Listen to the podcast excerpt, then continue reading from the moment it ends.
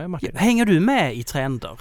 Mm, inom vissa grejer ja, inom mycket annat nej. Men så har det alltid varit. När FX Twin kommer med en ny platta, då är du med? Då vet jag det innan han vet det själv nästan. ja, okej. Nej. Nej men är det, men sörjer du din ungdom eller? Nej. Eller det, alltså det har inte förändrats så mycket skulle jag faktiskt säga. Du var, du var gubbe redan då? Alltså Ja, inte men det är lite så. om du förstår vad jag menar med gubbe? Men jag har Alltså. alltid haft mina, alltså typ mina intressen har varit liksom det som jag bryr mig om. Och där håller jag mig väldigt ajour. Liksom så här och jag hänger med väldigt, väldigt mycket. Sen så i väldigt mycket andra saker så har jag ingen aning om vad som händer och det tycker jag är väldigt, väldigt skönt. Och jag är väldigt glad att jag gjorde det valet för länge. Inte, kanske inte ett val, jag tror det kommer ganska naturligt. Men det är mycket saker jag inte har en aning om alls som händer som jag kanske borde ha koll på. Men det har jag inte. Och det är jätteskönt.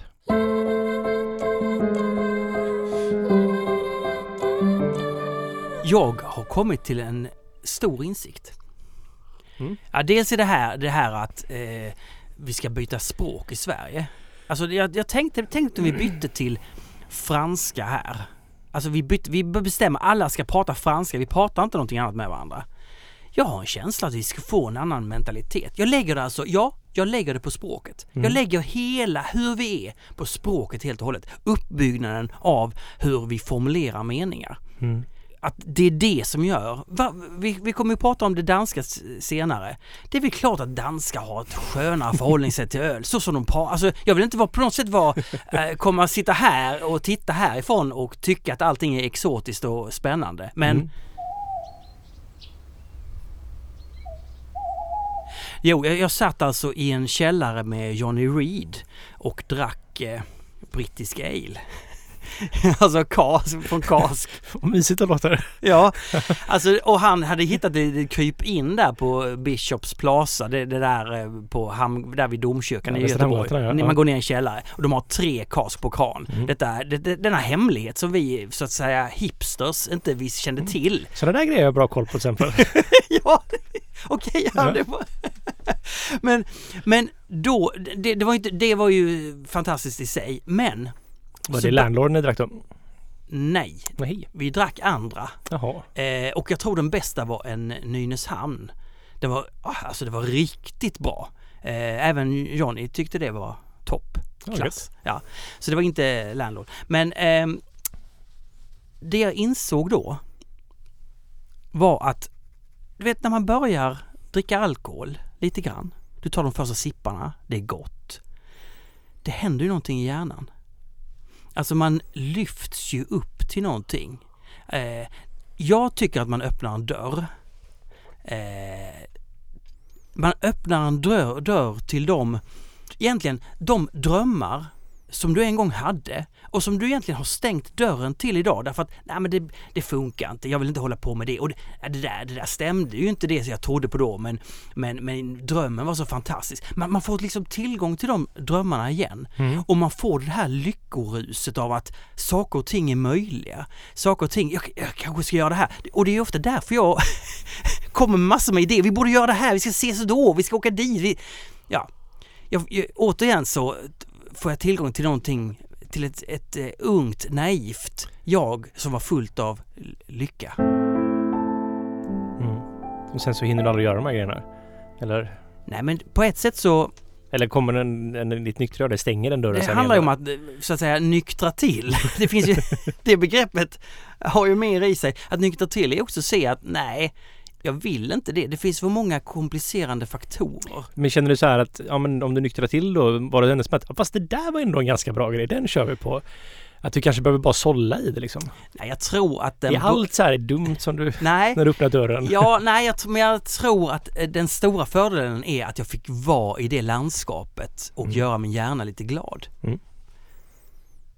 För jag kan ju känna så att man att, jag håller väl med om att det är man, kan- man, man, man, har bra idéer men man kanske inte alltid har de bästa idéerna men man, får, man kan Ja eh, Det är ju så med lite med berusningsmedel att det kan ju hjälpa en att knäcka vissa nötar ibland faktiskt. Att man faktiskt tänker på, man sätter sig i en annan position och så tänker man på ett annat sätt. Och så. Jag, jag tänker, ja precis, för jag tänker att hjärnan har eh, spårat upp sina banor och man kommer tillbaka till samma lösningar för att man, är, man fastnar helt enkelt. Mm. Eh, Och då ska man börja droga helt enkelt. Precis, precis. Komma ur det. Man kan ju också träffa nya inspirerande människor kanske. Eller försätta sig i en annan situation på andra sätt. Det, är ju kanske inte bara droger som gör att man kan tänka Nej, nytt. det finns ju många, men det är ju... Det finns många andra droger. Precis. Nej men det finns ju, du kan ju sätta dig i andra situationer bara och du kan ju utsätta dig för saker som du inte brukar göra och det kan ju hjälpa på samma sätt. Alltså hur gammalt är OO nu? Det beror på lite hur man räknar men jag räknar från att vi startade 2014 i januari. Då bryggde vi de första ölen på Stiberget. Då hade vi ju bryggt öl året innan också. Så Eh, sju år. Men då var det väldigt små batch och det var väldigt lite öl så att sju år helt enkelt. Sju år. Ja. Men då börjar ni komma i ett läge där ni kanske också kanske måste börja supa lite och för att komma på nya inriktningar. nu har ni ju gjort samma sak länge eller? Ja, lite så faktiskt. Så, men vi, som sagt, vi har ju faktiskt bryggt rätt mycket an, annorlunda det senaste faktiskt. Men du, jag, jag tycker du säger det. Är du lite nöjd med att, att ni har gjort det? Alltså, Det- Känns det som en befrielse eller vad? Alltså så här är det lite. Det är nog att förra året, alltså vi, det har ju varit en liten, vi har ju varit i en situation där först bryggde vi på Stiberget de första från 2014 till ja, 2018 så kom OO igång på riktigt liksom i januari. Så det var ju de första fyra åren så var vi på Stiberget och bryggde öl där och då hade vi väldigt liten kapacitet. Då fick man ju brygga det man visste kunde sälja men fortfarande tyckte var roligt att brygga och sådär så det var en avvägning. Sen så när vi startade så var det som att så här, då kunde vi helt plötsligt så här Oj, vi har jättemycket kapacitet. Men ganska snabbt så blev det som att man bryggde en massa IPA för att det var också det som betalade räkningarna och så här. Så att man hamnade i en situation där man så här inte helt riktigt kunde vi hade ju inte en full ekonomisk frihet på något sätt. Att brygga precis vad vi ville utan man var ju tvungen att tänka efter ganska mycket och så har det varit. Och sen så nu när man kom till den situationen att man kan liksom ha lite mer kapacitet och testa mer saker och liksom så kom Corona liksom och lite satte stopp på det och nu är det jättesvårt att sälja öl för att man inte kan sälja på annat än Systembolaget. Och där är det en lång process så det är svårt att liksom bara slänga ut sig öl om det inte är folköl i stort sett. Ja, just det. Så att det har varit lite märkligt men jag är ganska nöjd med att vi faktiskt så här ändå har bara nu de senaste tiden. För förra året så bryggde vi ju inte så mycket nytt utan det var ju att man bryggde det som man ja, visste funkar liksom. Ni är liksom lite hijackade av era köpare. Eh, de håller er i ett strypkoppel. Nej, jag skulle inte säga köparen, jag skulle säga mellanhänderna i sådana fall mer. Det är ju liksom Systembolaget som gör det. Jo men, men, men om nu, men, ja fast, ja men, men det är ju ändå så att eh, IPAn er säljer ganska bra. Ja och jag tänker, och det är väl ändå, eller du menar att det är Systembolaget som ser till att det händer? Ja, lite faktiskt. Alltså jag tror våra köpare är mer villiga än vad Systembolaget låter dem vara. Är du inte väldigt idealistisk? Nej, jag tycker inte jag är det riktigt. Nej. faktiskt. Jag kan tycka att det är så ganska mycket faktiskt. Har ni fått igång en eh, burklina? Nej, inte än. Nej, när ska ni få igång den? Vi hoppas till sommaren är Mm. tanken. Så Mm. vi har delar av den är här. Vi har en avpaletterare till exempel. Oj! Som står och tar plats. Skitstor är den. Ehm, Men eh, vi har beställt burklina. Alltså avpaletterare, när man säger det så, så vi, pallet, okej vi har en pall. Ja, Har det någonting med pall att göra? det, Ja. ja. precis. Så det Det en står saker på en pall burkar står på en pall. och det, Tomma man, burkar. man vill inte ta i dem själv, man vill Nej. att någon gör det åt en, en maskin. En maskin, ja precis. Eh, vad gör mas- maskinen? Puttar alltså burkarna från pallen till eh, burklinan? O- Okej, Så det är så Ja, enkelt. men det men det, du stoppar Ja. in en pall, den är hög som fan. Typ Ja. 2,7 meter något liknande. Ja. Och så är det massvis med lager av burk som är tomma på pallen med Mm. mellanlägg. Eh, pappskivor liksom. Och så eh, kör man in den i avpaletteraren. Så har den högst upp då en, liksom ett stort band där den automatiskt då puttar ut öl eller burkarna på bandet. Så att man inte behöver göra det själv helt enkelt.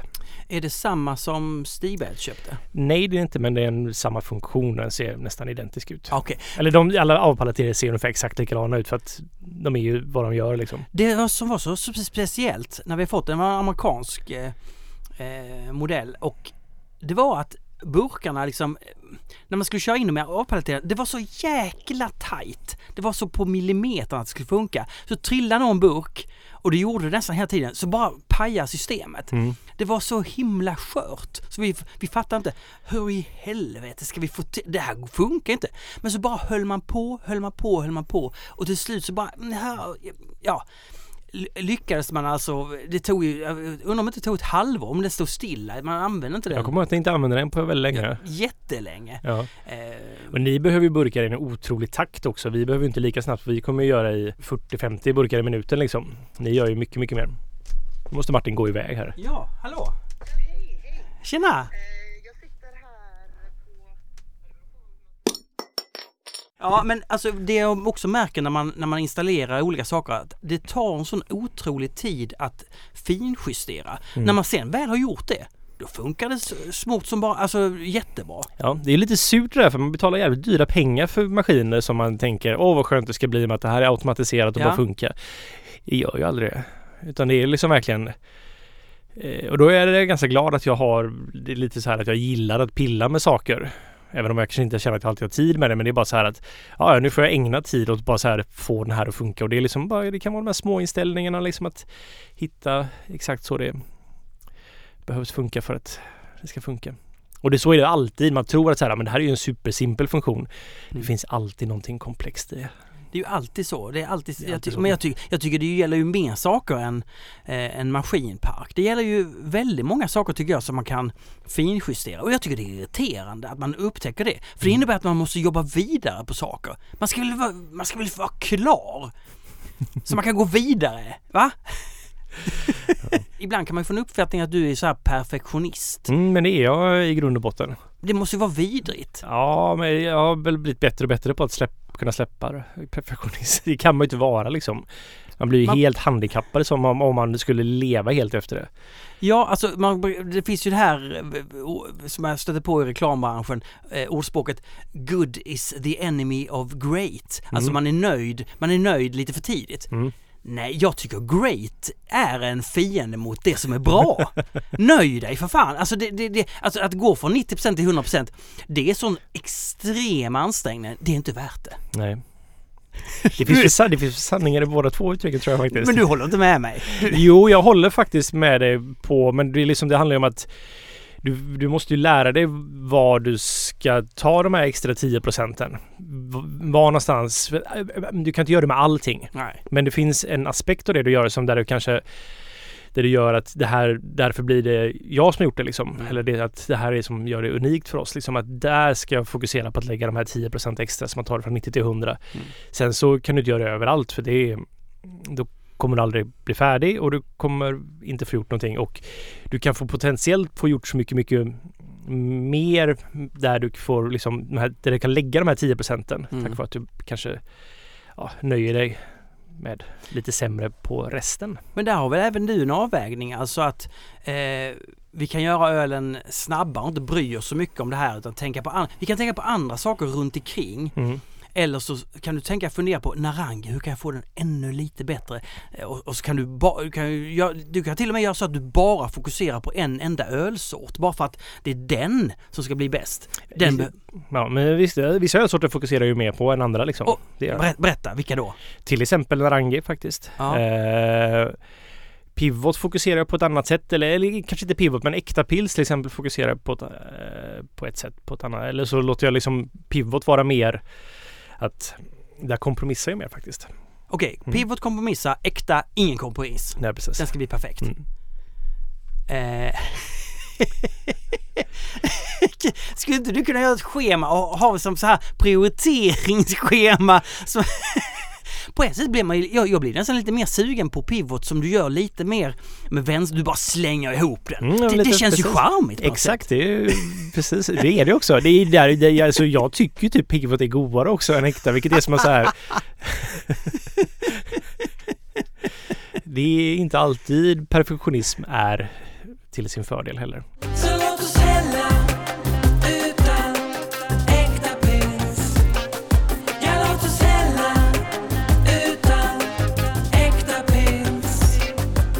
Du, du gjorde ju eh, du gjorde det här samarbetsölen Business as usual. Ja, just det. Bara för att vi, alltså jag bara tänkte på att den var så jäkla, alltså den var väldigt god och jag blev förvånad för hallå, är inte det här en lite mer västkust, gammal västkust-IPA liknande? Mm, det den är är den. klar, den har lite högre beska. Mm. Var, ju, är ganska mycket högre beska faktiskt. ja, men den var ju också Ja. så fräsch. Mm. Det var ju inte så här västkustäcklig. Ja, den är lite både och faktiskt. Nej men... alltså, du får stå för det. Jag ty tycker det är äckligt Martin. Men eh, när vi gjorde Business as usual första gången Ja. så gjorde vi den. Då gjorde vi ju ganska mycket så här. All In gjorde ganska mycket klassiska västkust på den tiden. De hade inte riktigt börjat göra New England IPor medan vi var ju då en av de få i Sverige som gjorde både OO och Stiberg så här New England IPor. Eller Haze IPor. Så vi tänkte att vi gör någonstans mitt emellan här liksom. För jag tyckte att det hade varit roligt. Men vi provar lite högre, men vi tar lite mer klassiska sorter. Vi, alltså vi verkligen vi blandar de här två ölstilarna vi jobbar med liksom. Så att eh, det är ju liksom musik och eh, citra såklart i torrhumlingen. Självklart. Det kan man ju inte göra öl utan. Man kan inte göra en IPA utan musik och citra liksom. Nej. Men det är också Simcoe Columbus som är ganska eh, klassisk västkust i, i smaken. Men du, det låter, Framförallt ju- Columbus. det låter som att du skapat den perfekta IPAn. Eh, ja, jag blev väldigt nöjd med den men den det är inte den perfekta IPA Martin. Det är det inte.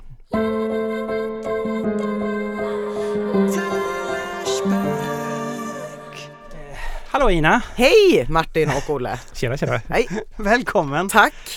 Eh, ja, alltså det är inte ofta du är med oss. Nej inte IRL.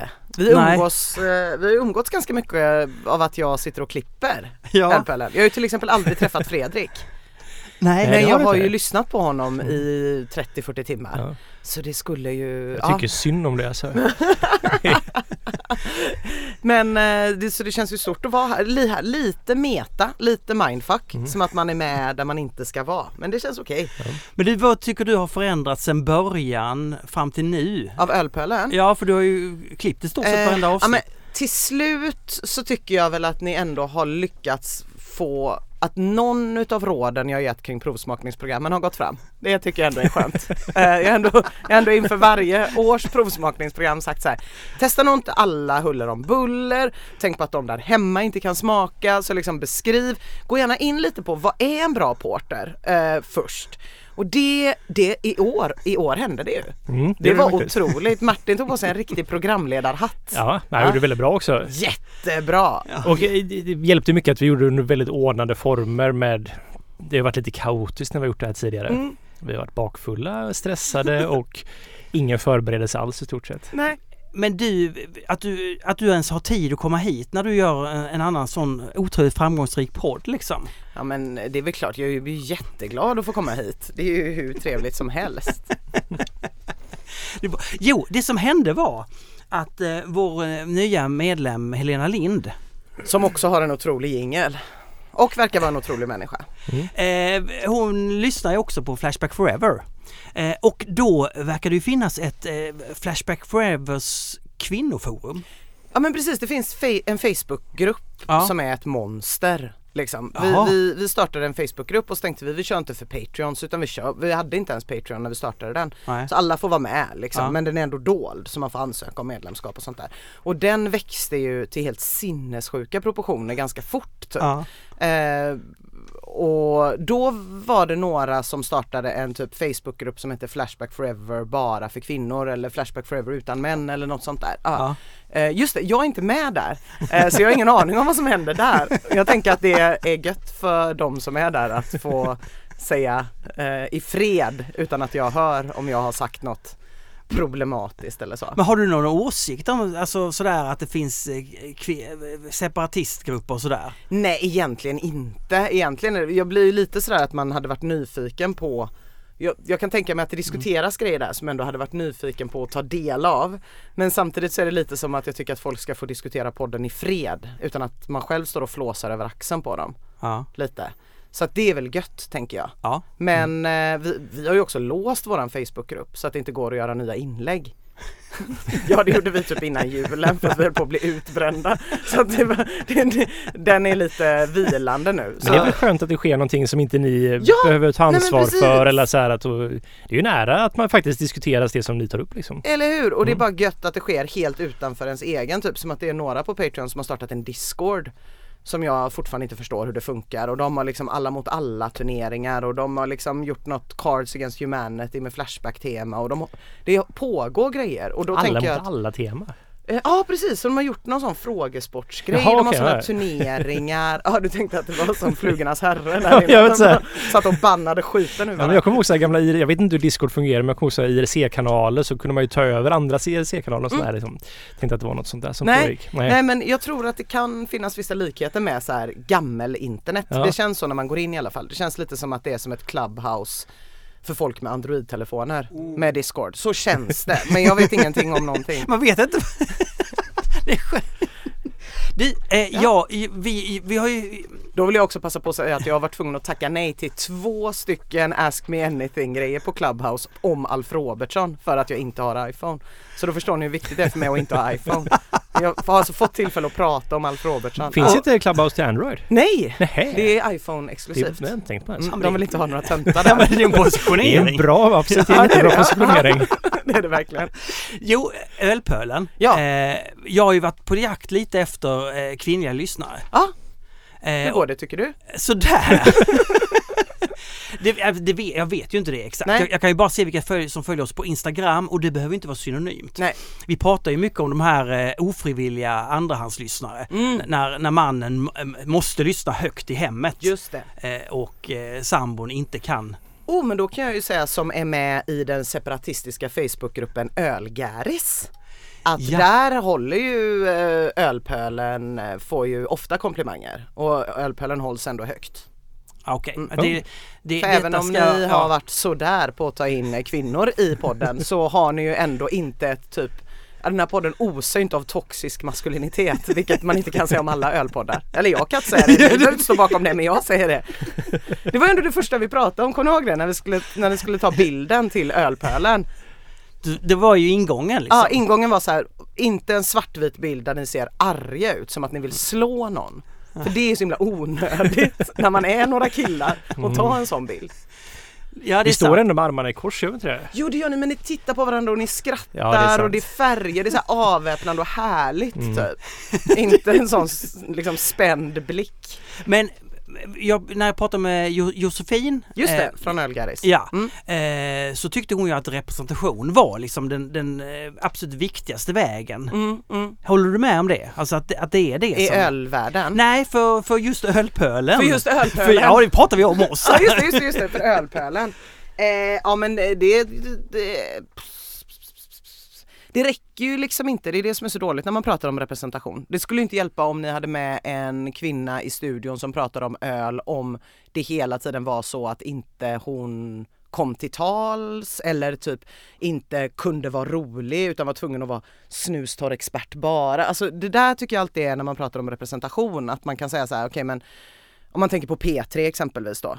Eh, den lilla ölpölen, en liten variant av ölpölen. Vi tar morgonpasset som exempel.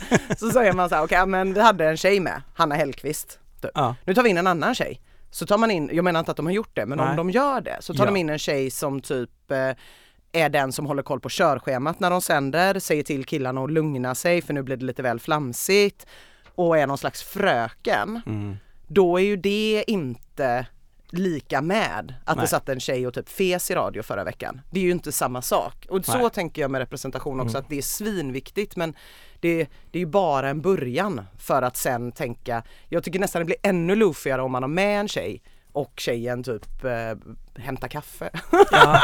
Det, det roliga var ju när, när, eh, när vi pratade med Helena Lind och hon Mm. fick bli månadens frågeställare Mm.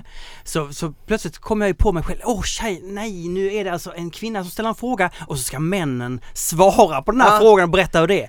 Nu är det som tur Hon har ju jävligt bra frågor och de Ja, är initierade. Jag kommer när hon börjar prata, precis så att man kan, inte, man kan aldrig reducera det till det att aha då är det en kvinna som ställer en fråga och en man som svarar för om hon hade frågat så här, vilka är era favoritöl? då hade det varit en annan grej. Men när hon bara så här, vad tycker ni om Danmark nu med tanke på vad som händer? Det var väl hennes första fråga Det var hennes första. och allt ja, det där. Och jämförde den med den svenska. Då är man ju så, smack, nu Ja. är vi hemma. Ja, och sen så, in, sen så är det ju så att man vet ju att hon skulle ju kunna svara mycket Ja, flödigare på de här. det väl Hon bara, har ju redan svaret. ja, hon vill bara testa er. Ja. Det känns så för mig som att säga, det här är ett test. Helena Lind skrev alltså i den här eh, eh, kvinnoseparatistiska Flashback Forever-gruppen på, Flace- eh, på Facebook. Då skrev hon så här.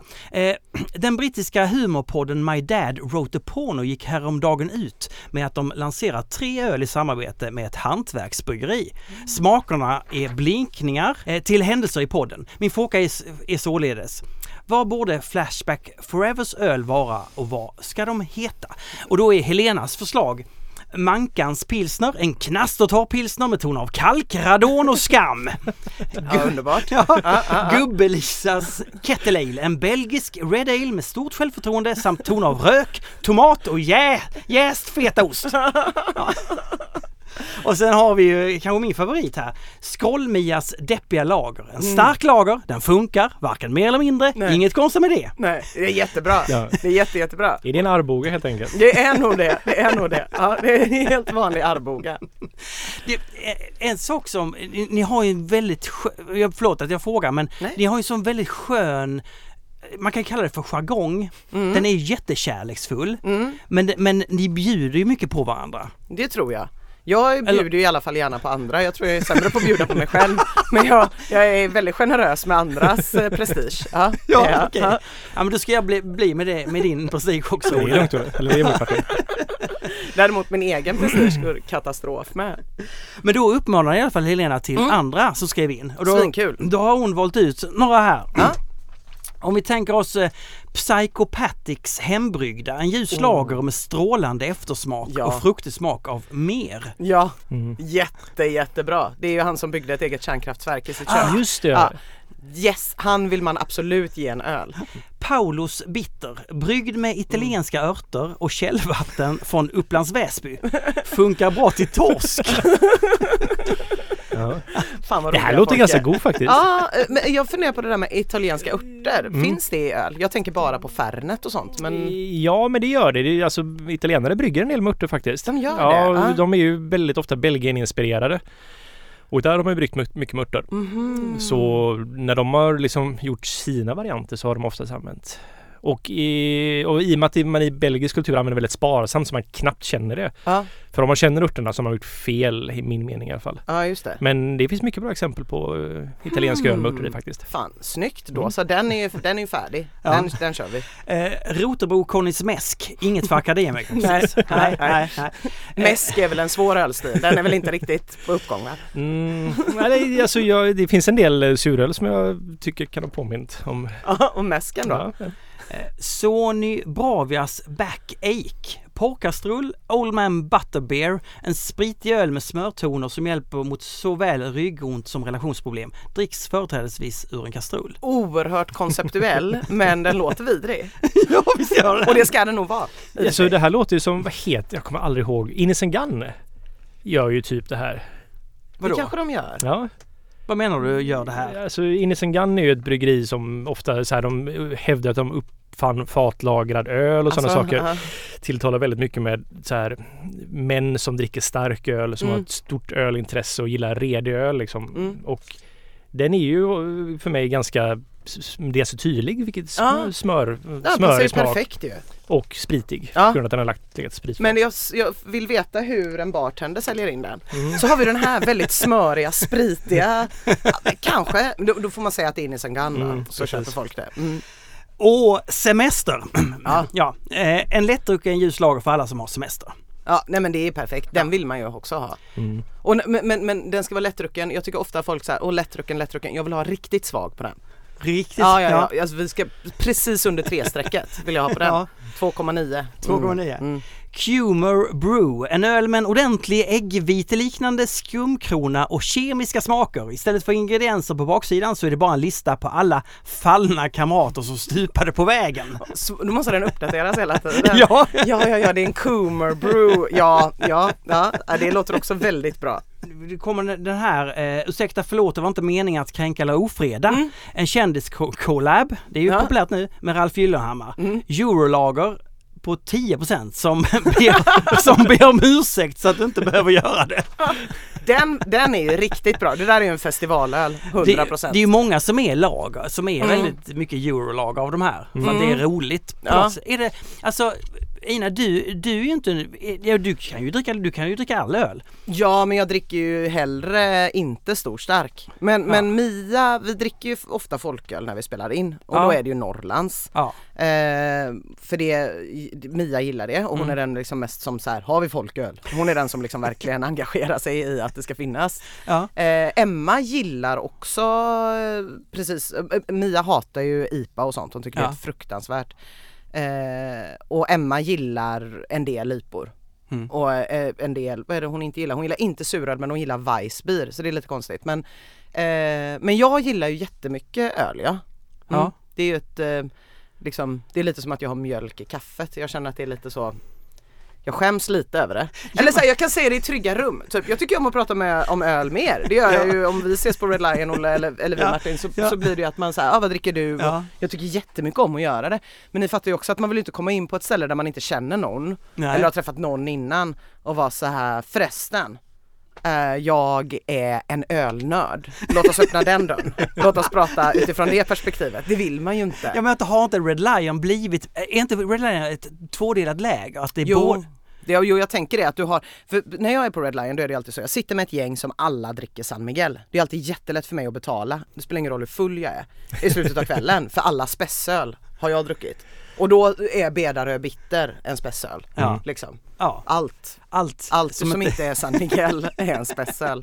Men jag kommer ihåg när jag började gilla öl, för jag tyckte det var så jävla jobbigt. Vi har jobbat på Hagabion då ju. Ja, eh, där nere på Kino och eh, det var ju innan de hade fat eller någonting så då köpte vi, gick med pirror till bolaget och köpte flaskor där och sålde i baren och hade inga kortmaskiner heller så allt var kontant så det kändes ju som en svartklubb men det var det inte. ja. Och så stod jag där och sålde och så kom det in killar med mössor och ville ha så, ja du vet vi gjorde oss så lustiga över dem liksom. Ja ge mig en humlebomb var det faktiskt en kille som sa en gång. Och jag och min polare Kalle så jag bara, jag bara åh fy fan de här jävla ölnördarna, åh, de är så jävla rötna och så blev man så sjukt sjukt sjukt anti. Detta är ju 10 år sedan, 11 Ja. år sedan. ja. Och bara fy fan typ, man ska inte ge dem någonting, de ska bara ha pisset typ. Och sen när vi städade en gång så drack jag ju en sån eh, öl och då eh, tror jag faktiskt att det var något helt basic typ eh, eh, Samuel Adams, inte den Bostonlagen utan de hade någon liknande som kanske hette Boston IPA eller någonting. Mm. Eh, som jag inte tycker är så god nu men då var det så här, Typ. Och sen öppnade jag någon sån Bro- Brother Thelonious som var på 11 procent. Oh, ja.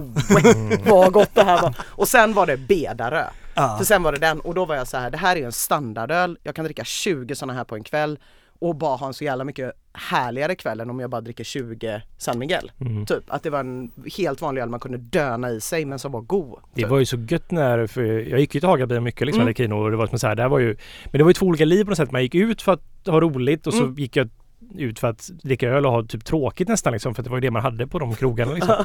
Men där kunde man göra lite både och. Där kunde man precis. Ja, nej men det kunde man faktiskt. Och sen var det ju ett rabbit hole typ. Sen dess har det ju Ja. bara varit så jätte... Jag, jag, får en, jag får en uppenbarelse av att eh, ett starkt matintresse som man har fått mycket hemifrån eh, ofta leder till att man gillar Jo, lite breda, eller spektra men, men så, så är det ju och jag har ett jättestort matintresse men samtidigt så är jag så himla liksom på ett jättetöntigt sätt mån om att inte vara för trendig. Mm. Så typ jag har bakat jättemycket med surdeg exempelvis när jag var 20. Jag älskade det och höll på och gick runt bland mina kompisars föräldrar och pratade Ja. med dem om surdeg och som hade surdeg för det var liksom ingen grej då. Och bara några år senare när surdeg blev en grej då slängde jag bara alla surdegar. Då var jag bara så nej jag kommer aldrig mer röra, jag har aldrig bakat med surdeg sedan dess liksom. Ja. Eh, och det är ju precis lika töntigt som att känna att man, eller nästan ännu töntigare än att känna att man hela tiden ligger kloss an. Som att jag typ, jag vägrar äta picklad rödlök just nu. Jag kommer äta dem fem år och sen igen. Men med öl var det verkligen så. Jag red på en extremt etablerad våg typ. Hade jag varit Olle som satt på Rover och mustade med Svenska ölfrämjandet långt innan det var fräsigt. Då hade jag ju kunnat ha en högre svansföring men jag är ju mer den totala standardmänniskan som så började med någon slags bedarö, sen kom Mick Keller, American Dream, wow! Och sen kom han New England-IPA, wow! Och så har man fastnat där bara. och man bara mer juice, mer, mer, mer, mer, mer! Och så lyssnar man på ölpölen och så man här, jag vill också ha så här sofistikerad smak och så vill man ändå bara ha Ja. Men jag känner lite att det är så här, jag- kan ju känna igen det där att man så, här, så fort någonting blir trendigt så bara fan nu lämnar jag det här Mm. liksom för att man blir rädd för det liksom att man vill inte förknippas med det. Mm. Men med öl så, jag vet inte, det är så här, det finns något så basic med öl. Att det Ja. är som så här att det behöver, det är tyvärr så har blivit trendigt men det ska egentligen bara vara så här att det är så basigt på något sätt så att det bara finns där och att man behöver inte, eller jag känner att jag inte behöver tänka så med öl riktigt. Nej, nej men jag tror också det. Det är, det är så lite enkelt befriande. tillgängligt typ. Ja. Om man tänker jämfört med att sätta en surdeg så Mm. kräver det enormt mycket engagemang. Men att bara beställa en lite godare öl. Och när man väl har börjat gilla en lite godare öl så kommer man ju knappast när man går ut bara för att vara cool ta en stor stark. Mm. Typ. Eh, men ibland är det ju extra, alltså så här, typ som Guinness och sånt, då kan man ändå ha kvar sin eh, identitet. Jag kan ha min identitet i det att jag köper en Guinness och så säger alla så här Oj det är inte så gott och så säger man det tycker jag och så dricker man den. Det, det är skönt ibland. Ja. Ja men på, på, på, ett sätt så, för, eh, då, för då är du, om du är med, med alla polarna som dricker San Miguel Ja så behöver du inte vara som dem utan du kan du sticka ut. precis, det jobbiga är ju om man är i Stockholm någonstans. Ja, Ja. eller så, med, med folk som också gillar öl. Åh fy fan! Ja men exakt, ni hör ju, man vill inte vara med dem. Jag kan ju vara med er för att det är ett tryggt rum. Vi kan gå till Red Lion, vi kan prata om vad öl smakar. Men jag vill inte sitta med liksom någon mellanchef från Upplands Väsby och snacka, snacka öl liksom. Mm. Det blir för jobbigt. Du, Vi ska låta Hel- Helena Ja. eh, ställa en fråga direkt till dig också. Men gud vad härligt. Hallå, det här är Helena Lind, Ölpölens svar på Jasja för er som plockar den Flashback Forever-referensen.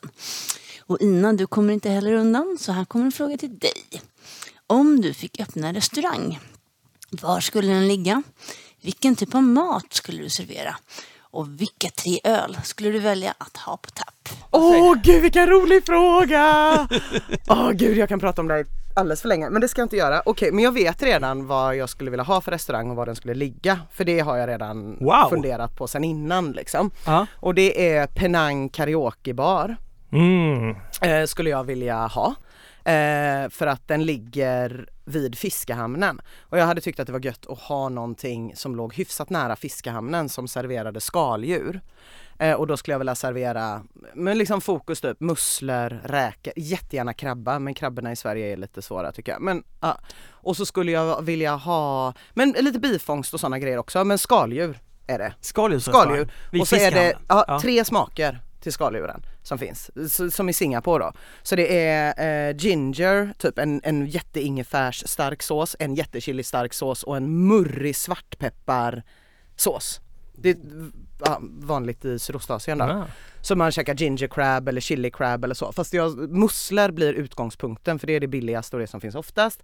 Man kan ha räkor, man kan ha krabba och så äter man det på liksom slafsigt sätt. Typ eh, tidningspapper och det bara liksom eh, olja ur porerna. Och så vill jag att man ska, eh, att det också ska finnas karaoke.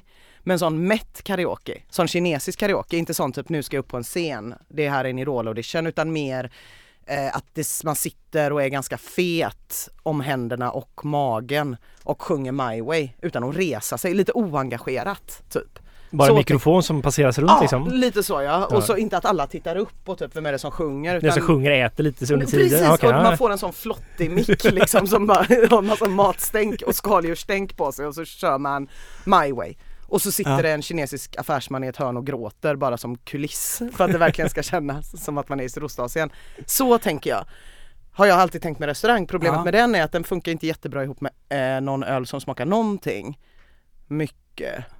Nej, så vilka tre, tre öl skulle du ha då? Ja men då skulle jag skita lite i det. ja, ja. Vad som Öl funkar till dock väldigt bra till kräftor framförallt och Ja. sådana saker. Men ja. Men, men det blir väldigt stark mat. Men, men jag skiter i det. Jag tar bara de tre ölen som jag skulle vilja ha då. ja. Eh, då skulle jag vilja ha att eh, Olle skulle göra en, eh, som inte finns, en, eh, en eh, blaskig bitter Mm. typ. Eller heter det mild då?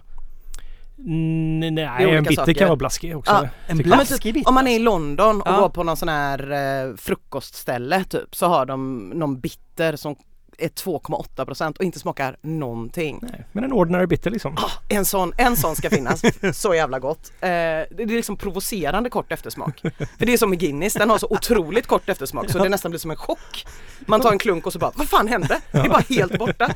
Och så den här har ännu kortare, så jävla ta en till. Man måste ta en till. Man måste ta en till ja, och så är de jättesvaga så det gör ingenting. Så Nej. man börjar dricka jättetidigt och så är allt så trevligt. Så den vill jag absolut ha. Eh, och sen vill jag ha eh,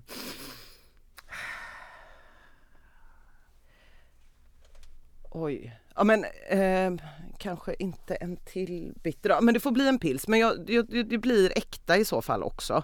Och sen blir det eh, den gamla eh, ölfestivalsgrejen från Stigbergetsölen. Och så blir det Guinness, det måste finnas Guinness också. Fyra öl blir det. Jag vill ha äkta pils och så vill jag ha en eh, bitter som inte finns. Och sen vill jag ha eh, ja, den första vändan av eh, Gbg Beer Week. Gbg Beer. Week eh, och Guinness också. Ja, så du har bryggt alla då egentligen Olle, förutom Guinness? Ja, Guinness har inte Guinness. bryggt. Nej, Nej. Nej, nej, inte Guinness. Nej. Ja, men de vill jag Det ha. låter tack. som väldigt bra öl faktiskt. Ja men eller hur! Och eh, som jag faktiskt tror passar bra till maten också. Men jag tror det. Man behöver inte ha något som är, men man vill, nå liksom när man har suttit och druckit, för jag älskar ju de här lite blaskigare också liksom, särskilt då för att jag tänker att man vill dricka tidigt på dagen. Eh, så, så är det så jävla gött när man har suttit där och tröskat ett tag och bara så, ta en beer week. Mm. Fan vad den sitter då alltså. Det är nästan som att man aldrig borde dricka den om man inte har druckit svag öl innan. Skulle istället också ha en bardel där man bara kan sitta och dricka öl. Ja, det tycker jag. Ja. Absolut. Viktig fråga för dig Olle. Ja, ja, viktigt för mig. Ja, nej men absolut. Det tycker jag verkligen. Det kanske är där den kinesiska affärsmannen sitter och gråter. Tack Ina, vad roligt att du tittar förbi. Jag är så glad att jag fick komma. Ja. Ja. Och jag tycker du ska starta den här restaurangen. Jag vill gå dit. Eller hur, visst Ja. vill ni? Fatta vad gött liksom. Det är klart. Ja, bara krabbklor överallt. Mm. Det tar ju en sekund in på en sån kväll innan någon kommer på det spexiga i att sätta micken i en krabbklo och sen hålla i krabbklon och sjunga Old Cotton Fields Back Home medan en kinesisk man gråter. Det här måste ju hända. Fan, jag vill verkligen gå till den här restaurangen Martin. Inte för att jag, jag hatar att sjunga karaoke. Det är bland det värsta jag vet. Ja, är det det? Ja, men jag gillar när andra gör det. Men jag vill inte själv göra det bara. Det finns få saker som jag har så mycket äh, ångest inför i min egna sångröst. Jag mimar ju bara till exempel när folk, när man sjunger Jag må han leva och sådär. Eh, Du, då kommer ju lite frågor. Jag väljer tre. Eh, Ami Ekström frågar vilken humle är trevligast? Vilken, kum, eh, vilken humle vill man helst ha som kompis? Mm, det är en bra fråga. Eh, jag tror den här frågan inte handlar om egentligen vilken. Det gör att är min kompis som jag aldrig träffar nu för tiden. För, dels för att hon bor i Stockholm så det är inte mitt fel. Men också att Det är hennes fel. Ja, det är lite hennes fel. Det är mitt fel också att vi inte ser så mycket. Och hon brukar alltid klaga på att hon, det enda hon får höra mig är när hon lyssnar på Ölpölen. Så jag tror det egentligen handlar om att, att hon har valt Humle som kompis istället för henne som kompis. Och det är det inte. Men vilken humle är det då? Du har? Jaha, eh, mosaik skulle jag säga. Ja, Ja. men, du, men det, du har inte valt den istället för? Nej, precis. Det vill jag vara tydlig med. Ja, mosaik. Ja, men det visste vi ju Ja. på, på, ett sätt. Kanske Idaho 7 också faktiskt. Ja. Den börjar segla upp som en ny favorit. Idaho 7. Mm. Den har ju ett lite coolare namn tycker jag. Ja, har den det? En delstat och sju efteråt bara. Emily Moberg. Vad tror du kommer vara nästa hypeöl? Det här är ju fråga vi ofta återkommer till. Mm. Eh, vilken stil vill du det ska bli, men eh, vad tror du att du kommer att bli? Jo, eh, Är någon Alltså, stil på väg upp just nu? Jag har typ inget bra, alltså för mig är det som att så här, det här har jag alltid på något sätt kunnat se liksom. Jag, typ, det, är så här, det är så uppenbart vad som är nästa grej men just nu, jag vet faktiskt inte. Vad vill du? Eh, jag är ju väldigt glad att det som sker just nu, att brittisk öl kommer Ja, tillbaks. bi- Alltså jag är för bitter. och men, lågalkoholig och ja men, eh, ja, alltså bitter faktiskt. Mm. Ja, det, det känns som det ligger lite i luften. Ja. Okej, så nu ligger vi lite mellan att du både vad du vill och tror? Eller, Både och ja. ja. Ja. Men, nej, men alltså på riktigt så vill jag det och jag tror lite på det. Jag, ehm, sen om jag ska vara helt ärlig också så känner jag lite som att så här, det börjar faktiskt komma tillbaks med lite så här ehm, Alltså eh, ganska normala smaker i öl men lite spexigt på sätt och vis ändå. Men jag tänker så här mycket ehm, lite traditionell öl på något sätt som är som så här att Sverige försöker göra sin egna så här gårdsgrej liksom lite grann. Det tror jag faktiskt kommer bli ganska populärt. Ja. Och vilken öl, det är ingen ölstil i sig utan det kommer vara liksom en många ölstilar med twisten att det görs på en gård med ganska mycket vad ska man säga, eh, egen karaktär. Jag, jag gillar den, hela den Ja. tanken. För den är romantisk. Jagge har någonting att säga, Jagge har någonting att säga, Jagge har någonting att säga, Jagge har någonting att säga nu. Hallon! Gillar ni hallon där ute? Tänkte väl det. Vem gillar inte hallon liksom? Ja, förutom jag då. Ja, då snackar vi inte om eh, vildhallon, sådana som man hittar i skogen på sommaren. Det är ju faktiskt gott, det kan till och med jag erkänna. Men sådana jävla hallon man köper, alltså i sådana äckliga plastförpackningar, säkert amerikanska eller sp- spanska eller något skit. Det är så jävla värdelöst. Det, alltså det, det är liksom, smaken är automatiskt gott. Fast äckligt. Det finns liksom ingenting att säga om den smaken. Gott Fast bara. äckligt. Och det bara gör mig så provocerad. Det finns inget som helst motstånd. Och för att inte tala om de jävla kärnorna. Kär, det är väl det enda motståndet hallonet har att komma med då. Kärnorna som sätter sig i tänderna som, och sitter kvar i dygn. I veckor ibland. Herregud alltså. Ja, för att återgå till smaken då. Alltså, hallon smakar så mycket hallon så att det blir artificiellt till slut. Alltså om du har hallon i, ja nu är det ju här, här en ölpodd. Eh, om du har hallon i en öl, gud förbjude, så smakar det mer än hallon. Alltså, det är beyond hallon. Det finns inget som smakar så mycket hallon som hallon. Det är helt sjukt. Alltså det, det, det smakar kemiskt nästan. Fuck you hallon!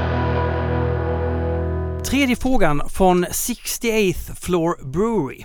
När man läser recept eh, från förr så torrhumlade många i slutet på jäsningen. Men när man läser recept idag så torrhumlar väldigt många efter jäsningen. Varför då? Sa du inte samma sak nu?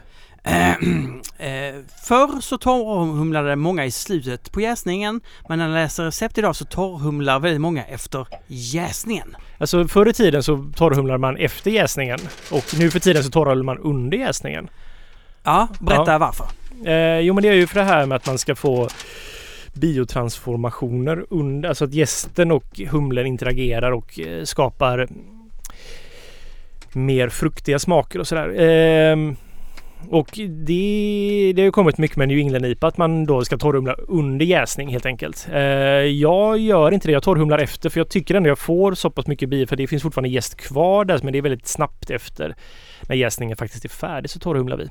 För jag tycker jag får lite av, det är som att lägga sig mitt emellan. Man får lite av båda aspekterna. Oh, Mm. Du är så komplex, Olle. Ja, men det det här med att man torrhumlar efter jäsning, det var ju ofta då med eh, Cal Ale, liksom så här eh, amerikansk, den här liksom US 05 eller ja, vad man nu kallar den. Mm.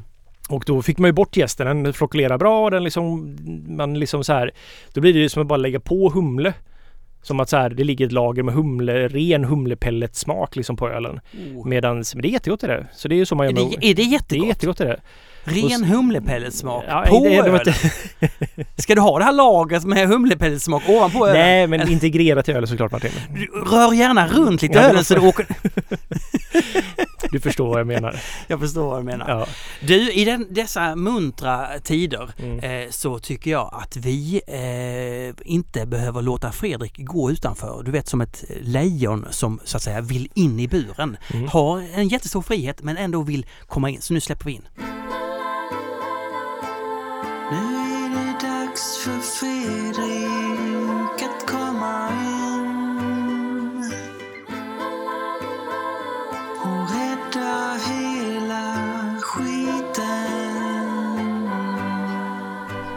Hallå Fredrik! Hallå? Hur är det med dig? Det är bra faktiskt. Det är fredag idag igen. Vi spelar bara in på fredagar, jag gillar det. Fredag förmiddag är ju din favoritdag, Olle. För då låter du resten städa i ditt bryggeri. Exakt, du har en anledning att hjälpa Om till. jag ska vara helt ärlig så gillar jag att städa på bryggeriet. Det Ja. är väldigt skönt. Man Ja. vet vad man gör. Det är liksom enkelt. Man börjar ena sidan av bryggeriet och slutar på andra.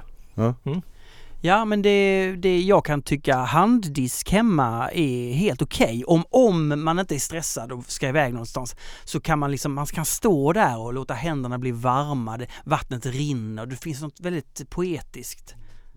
Men eh, Fredrik, vad är, vad är det bästa du har druckit sen sist då? Eller roligaste? Eh, Bästa? Ja, Eller jag har provat ett väldigt bra öl som jag blev glad att det kom eh, en eh, saison från eh, Örebro brygghus. Jaha. Och de är ju, har gjort det tidigare, de är ju bra på det.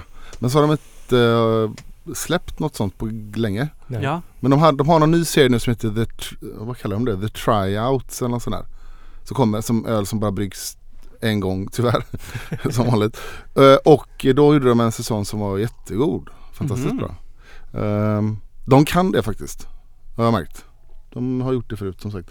Och sen provade jag eh, Bötet kom en rågversion av, av eh, böt, Bötet Barwine kom en rågversion. Den var svingod. Ja, samma eh, grundöl Ja. med då Legat på rågwhisky. rågwhiskyfat. Ja, ja. Den var svinbra. Kanske den bästa fatgrejen jag provat från, på Bötet. Ja. Nu, eh, nu får jag en uppfattning att du, du, allt spännande som kommer på systemet. Nej, så, Det så här, köper du direkt. Nej, nu, det... Det- här, det här var det så här. Jag har, varit lite, jag har inte druckit så mycket öl. Jag försöker inte dricka öl måndag till torsdag Ja. nu. Och så insåg jag igår att, att jag, vad fan har jag provat för öl som är bra? Och då hade jag kommit inte på någon. Och då hade jag de här ölen så jag drack de här igår kväll. Faktiskt. För jag hade också läst om dem, många som tyckte de var bra. Så jag men testa de här två, de var Mm. svinbra. Jag har hört mycket bra om den eh, bar- bötet, Mm. rågversionen. Eh, känner, du, känner ni er redo och ehm, för det här? För vad då? Helena Lind ställer en fråga.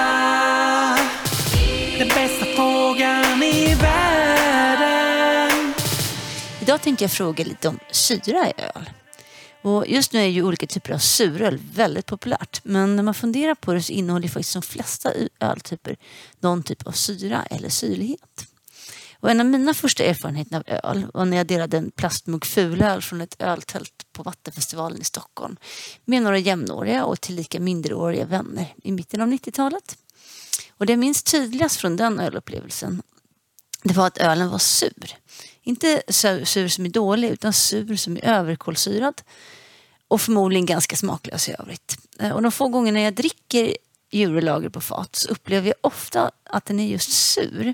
Och jag antar att den syran främst kommer från kolsyran. Men finns det någon annan korrekt smak som kan ge övergöst öl syra?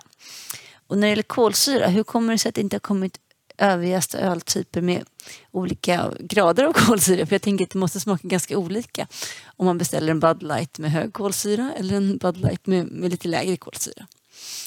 Ehm, sen brukar jag uppleva att öl bryggt på hårt rostad malt får en syrlighet som påminner om den som finns i till exempel kaffe eller kakao.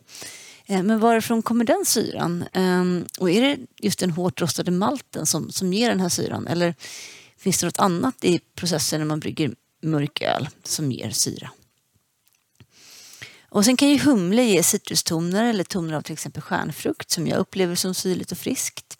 Men vad i humlen är det som smakar syrligt?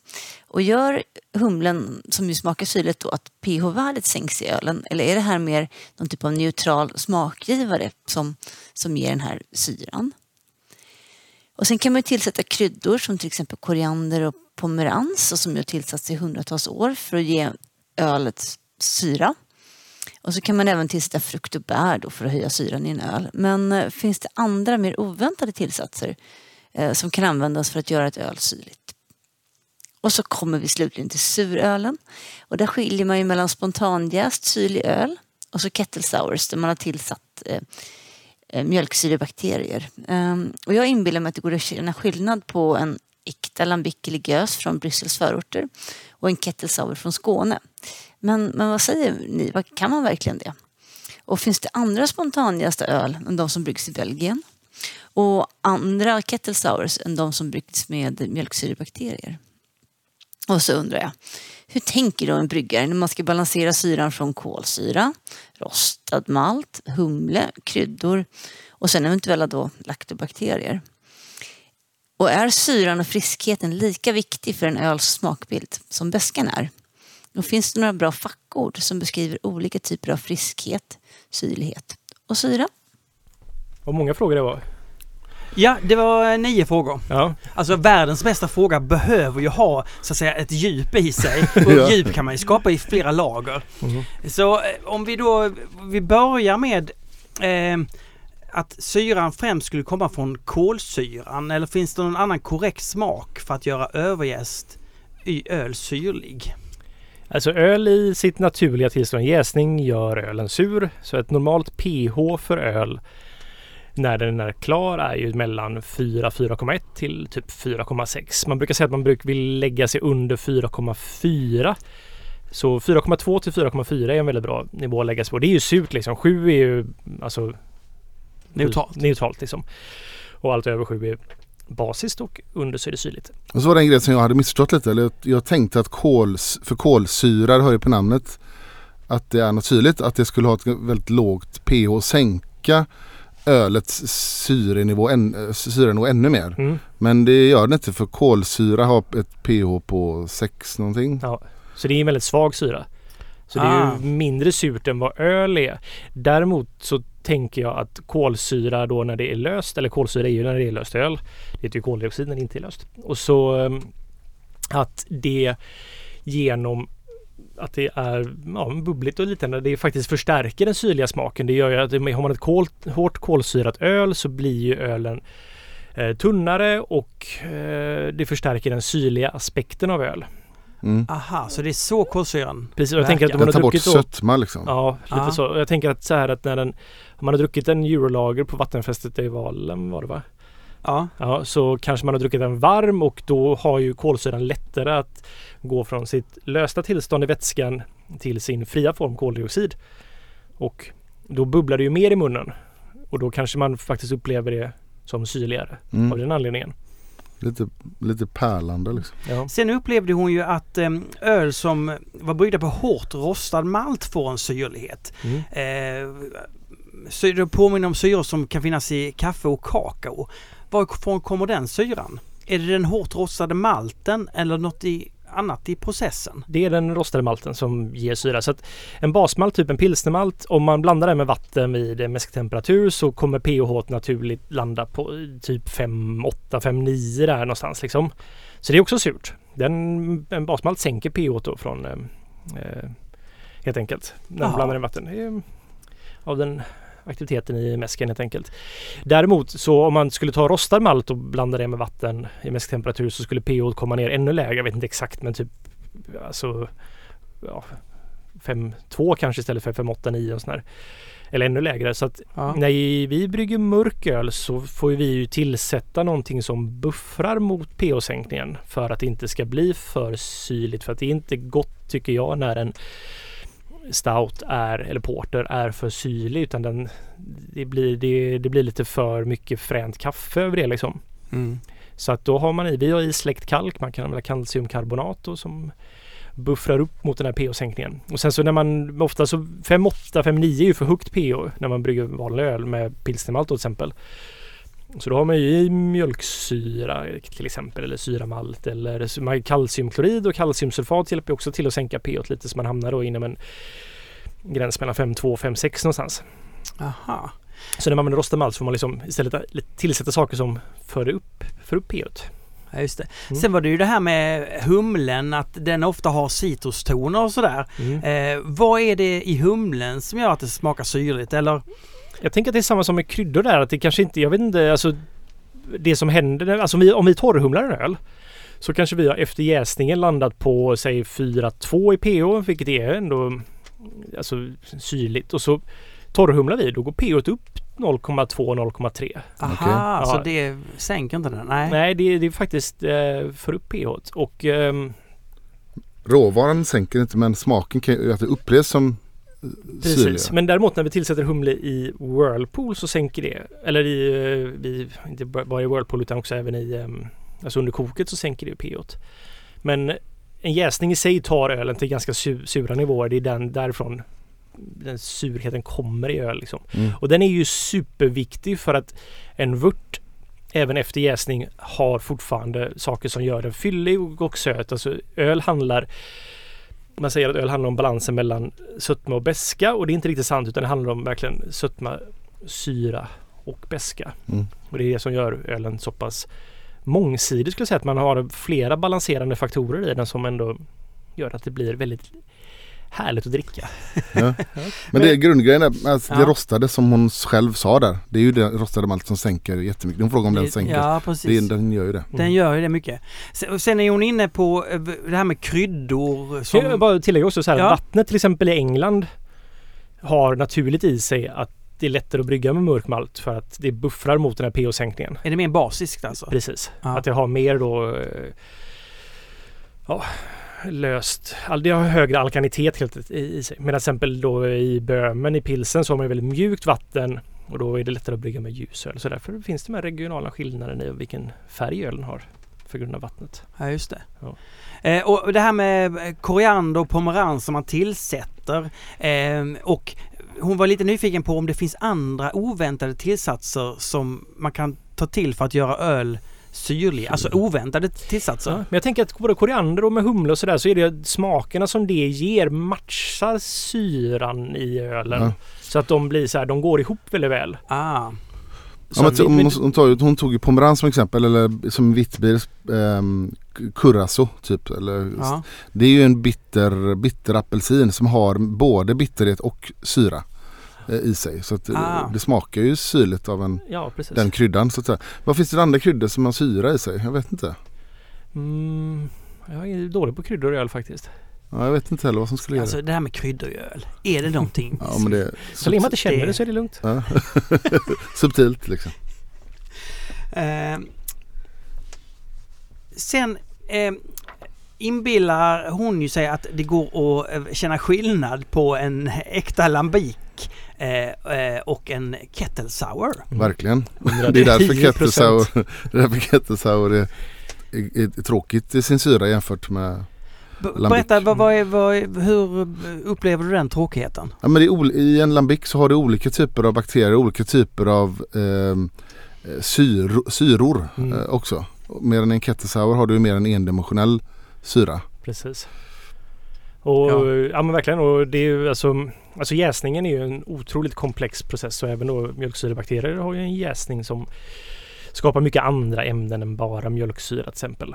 Och eh, komplexiteten från lambic kommer ju från att man har flera olika typer av mjölksyrebakterier som ger olika typer av syra kan man säga. Det är ju som jag, jag tycker också det att så här, många gånger kettle sours och sådär när man har bara tillsatt en enkel kultur av snabbverkande mjölksyrebakterier så blir det en väldigt endimensionell syra som jag inte tycker är så spännande. Det är ju inte äckligt. Men det är lätt att den blir för, för enkel och bara så här det blir bara surt liksom och det är inte gott när det bara är. Jag gillar ju inte lambic när de är alltför sura heller. Men Alltså man kan ju faktiskt, eller jag- jag- kanske inte alla kan, men man kan ju Alltså ibland är det bara som att man har tillsatt ren mjölksyra Mm. till en öl. Alltså och det är ju inget fel på det men det blir bara lite tråkigt. Det är lite fel va? Nej det är det inte men jo kanske lite. Nej men att eh, vi har ju så här eh, om man ska behandla då mäsken till exempel med någon syra för att sänka pH för att nå då 5,2, 5,6 någonstans däremellan. Så eh, kan man ju tillsätta fosforsyra till exempel och det är det som gör kola surt. Och det är ju en syra som är väldigt hade man haft mjölksyra istället för fosforsyra i en kola så hade den varit odrickbar skulle jag nog visa. Mm. Det är liksom en mycket, det bara sänker pH. -t. Alltså pH är ju bara så här, det är ju fria vätejoner Ja. eller inte liksom. Och eh, syran har egentligen inte så mycket med det som vi förknippar med smaken syra tänker jag. Utan pH är en grej, alltså om det är surt eller inte. Det som vi förknippar med som hör, hör till smakerna av syrligt är en annan grej. Ja och, och det där har ju blivit en sån diskussionsgrej i öl skulle jag säga sista eh, fem åren. Det här med, man pratar när suröl har växt i popularitet så har man insett problemet att eh, mäta pH och använda det som en indikator hur surt någonting är. Ja. För det säger inte hela sanningen. Och i, de har, man bara pratar om, jag kan inte ens säga det, Titrering. tetrerad Ja. syra eller Precis. mätning. Där man kan mäta, jag vet inte exakt hur det går till men du kan mäta den mer, vad som mer överensstämmer med den upplevda syran i ett öl snarare än att mäta pH. Mm. Oj, det låter ju väldigt spännande. Och Det det är så man ska mäta syra egentligen. I Men, hur gör man det? Vet ni det? ja, hon, hon gör ju det, uh, vad heter hon, Bear Lab. eh, Mm. Eh, i, här i Göteborg. Man kan lämna in prov till henne och så mäter hon det. Jag vet inte hur det går till. Man droppar och så ser man när det blir mättat. Nej, hon bara smakar lite på det. så- Ja, det här var surt. Det är, oh, det sätter jag en femma på. Ja. 4,3. Men Coca-Cola som du sa, det är ett bra exempel på, jag vet inte vilket pH Coca-Cola har men det är ju sjukt lågt. Åtta eller något sånt liknande. Det vilket gör att Coca-Cola har ett lägre pH än en Hansens gös som har ett sjukt lågt pH. Men den cola upplevs ju inte som, Det är inte så att huden krullar sig när man... den är inte eh, syrlig som en att- Citronsyra upplevs också som otroligt surt jämfört med vad Ja. pH egentligen är. Sen var jag ju inne på det här på att det kan finnas olika jästtyper som ger syra. Mm. Vilka är det vi har snackat om, om här egentligen? Som sagt vanlig jäst, alltså ale-jäst, lagerjäst gör ju ölen syrlig. Den, ja. Ja, precis, den, den gör ju ölen syrlig. Sen Ja. så finns det de som tar det ännu längre. Eh, min upplevelse är att om jag jäser med brett så har det en förmåga att göra ölen syrligare än vad en ale-jäst gör. ja. Alltså, men det, den kommer inte riktigt ner i det territoriet som är vi upplever som att oj vad det här är suröl liksom Nej. i sig bara men den gör ölen syrligare än vad brett enligt min upplevelse i alla fall.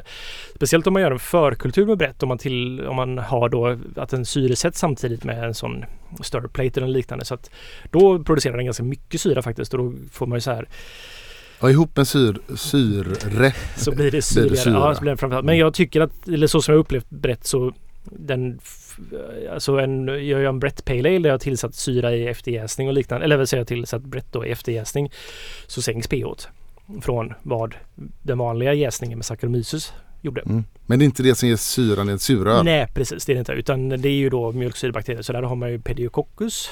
De är väldigt dålig på att uttala. Det var Mm. väl ganska bra. Jag tror att det var bra uttalat. Ja, Ja. Ja, finns ju lambic. Har varit på mig flera gånger att jag uttalar Pediococcus fel. Jag tror jag Ja. säger Pedioccus istället. Ja, Ja, det är bra Lukas. Bara mejla in så att precis. säga. Bra med språkpolis. Ja men det är det faktiskt. Jag, vill, jag, jag tar inte illa upp när jag vet att jag är jättedålig på uttal och grejer. Okej, men det är ytterligare en då. Ja, så det gör en, eh, det är väl en... ehm, och sen så finns det ju alltså mjölksyrebakterier som... Alltså det här, är jag, det här är inte min starka sida men de, de är ju lite olika då, en pediococcus och om den är en annan form och den har en annan...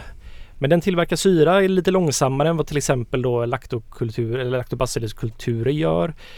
Och där har man ju flera olika. De, vissa typ plantarum, brevis är ganska rena. Delbrucki finns ju också som inte är lika kraftfull där men de är oftast väldigt allergiska mot humle så där kan man inte riktigt man kan få dem bli toleranta av humle. Det finns varianter på det som är toleranta. Men Pediococcus är ju ganska tolerant mot humle och det är väl det som jag tror står för den komplexa syran i lambic till exempel. Att man har Pediococcus som får arbeta länge.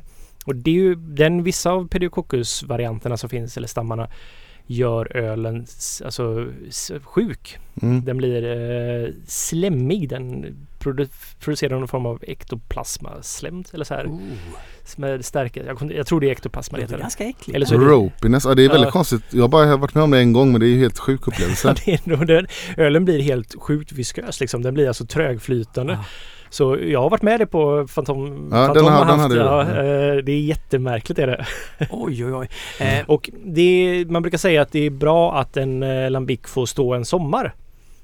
För att brett bland annat hjälper till att det här då sjuka, det här ropiness tillståndet som då en lambic kan få av pediococcus bretten tar bort det. Och när den har gjort det så upplever jag att det finns fortfarande kvar någon form av typ fyllighet i ölen.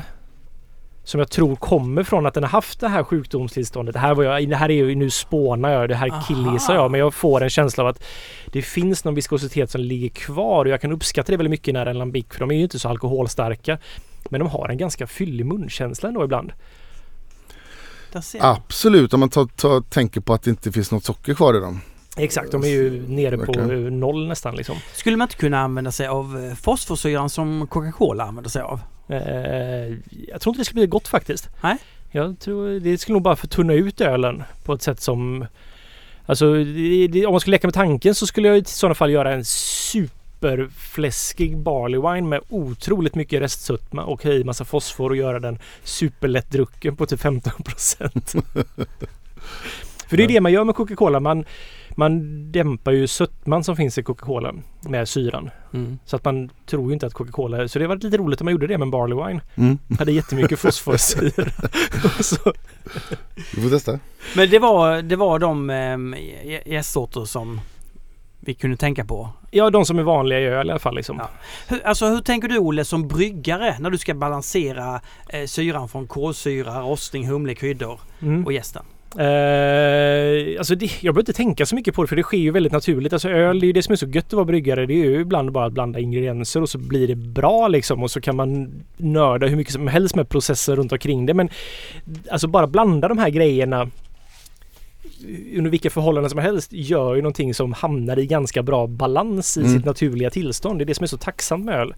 Det är ju någonstans så har vi gjort det här så länge så att alla de här grejerna som är, kommer in i det eller som så här, de vet vad de ska göra. Ja.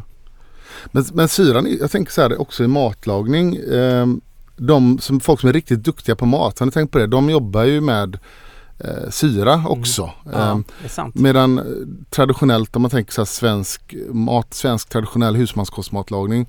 Det kan finnas där men det ofta glöms det bort. Utan det är Pickade sal- grejer. Ja, där, där är det. Men typ i en rätt liksom så här, med salt och peppar. Mm. Medan duktiga kockar har ju, jobbar ju jätteofta med någon form av kanske vinäger eller något sånt. Precis. Alltså för mig är det som att så här, när jag insåg, när, tack vare öl så har jag blivit en bättre, bättre person på att laga mat. Mm. För jag har så här Ja, ja, shit, i alla de här grejerna spelar roll och faktiskt börjat använda sig av syra i mat. Liksom fisksås i en köttfärssås. Det är alltså pricken över i. Ja, Det är, det, det, är så här, ibland om man tycker att så här, gjort en, det smakar lite tråkigt. Lite Fisksås. umami då också. Ja, det är precis. Du får syran, du får umami. Ja.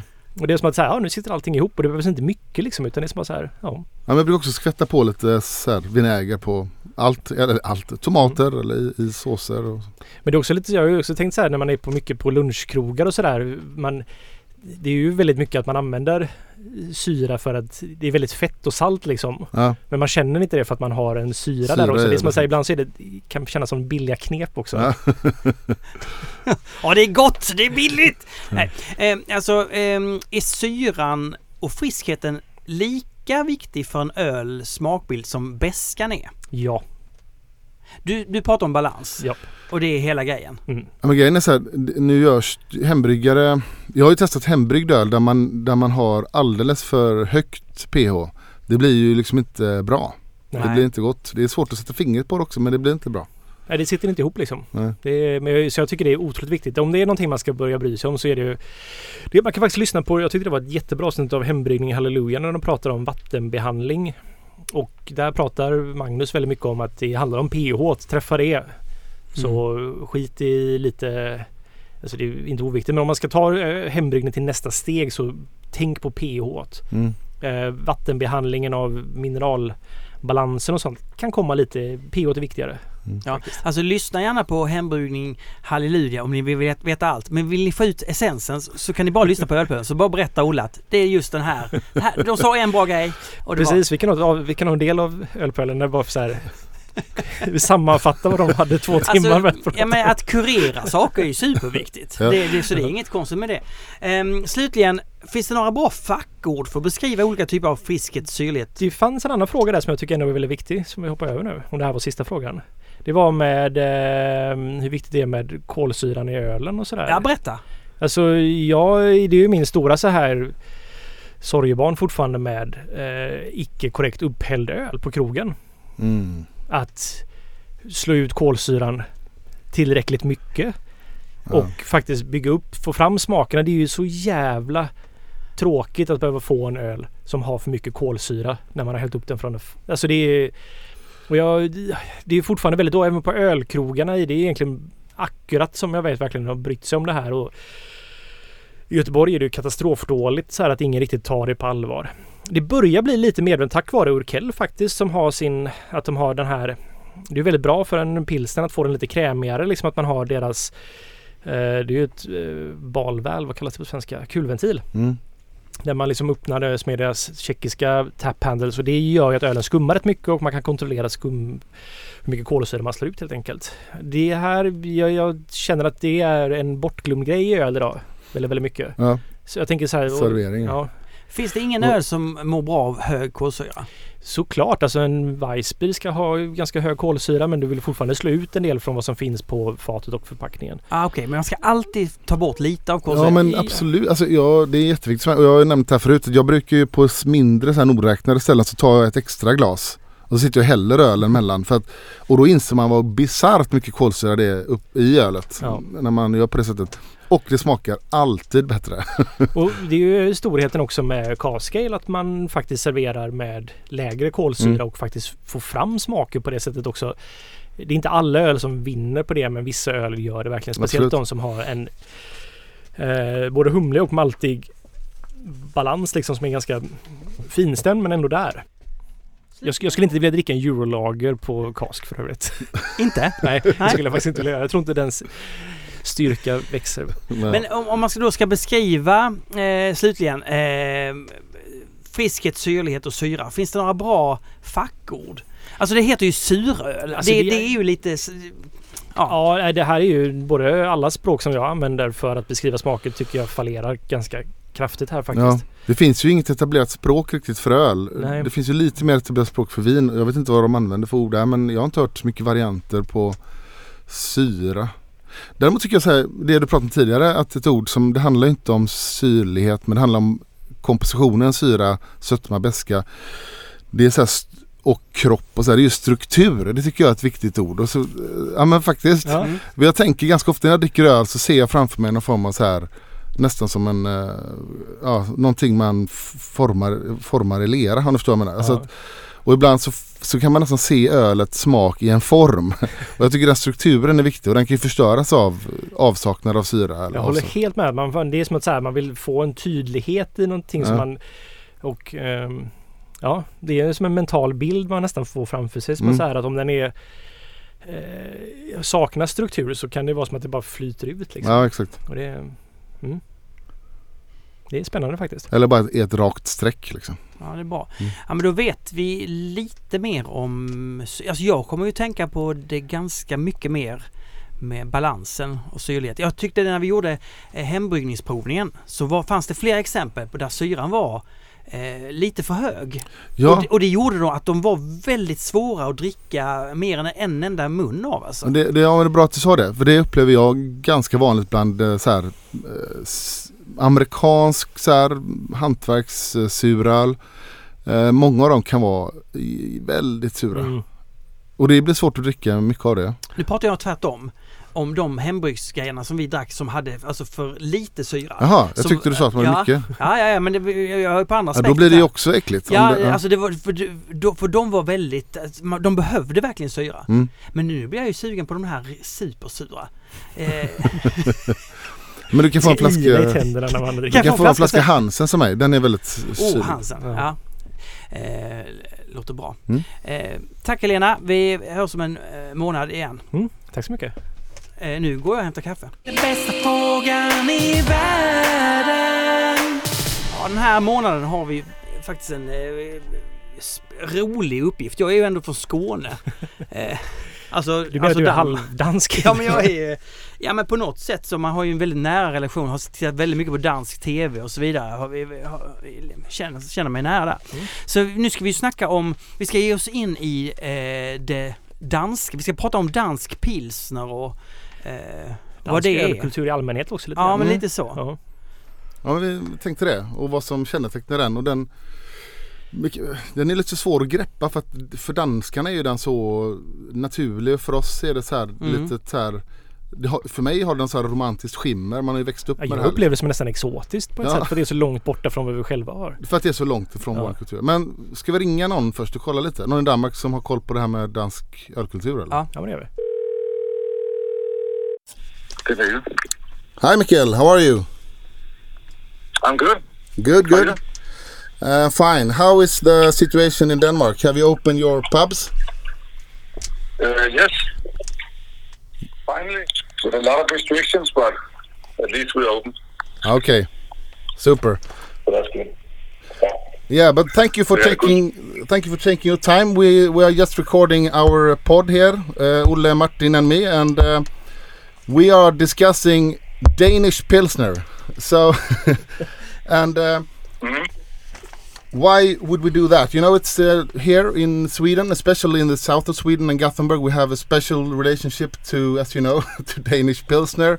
Uh, too many people drinking too much pilsner on the ferries and can't behave in Denmark and so on.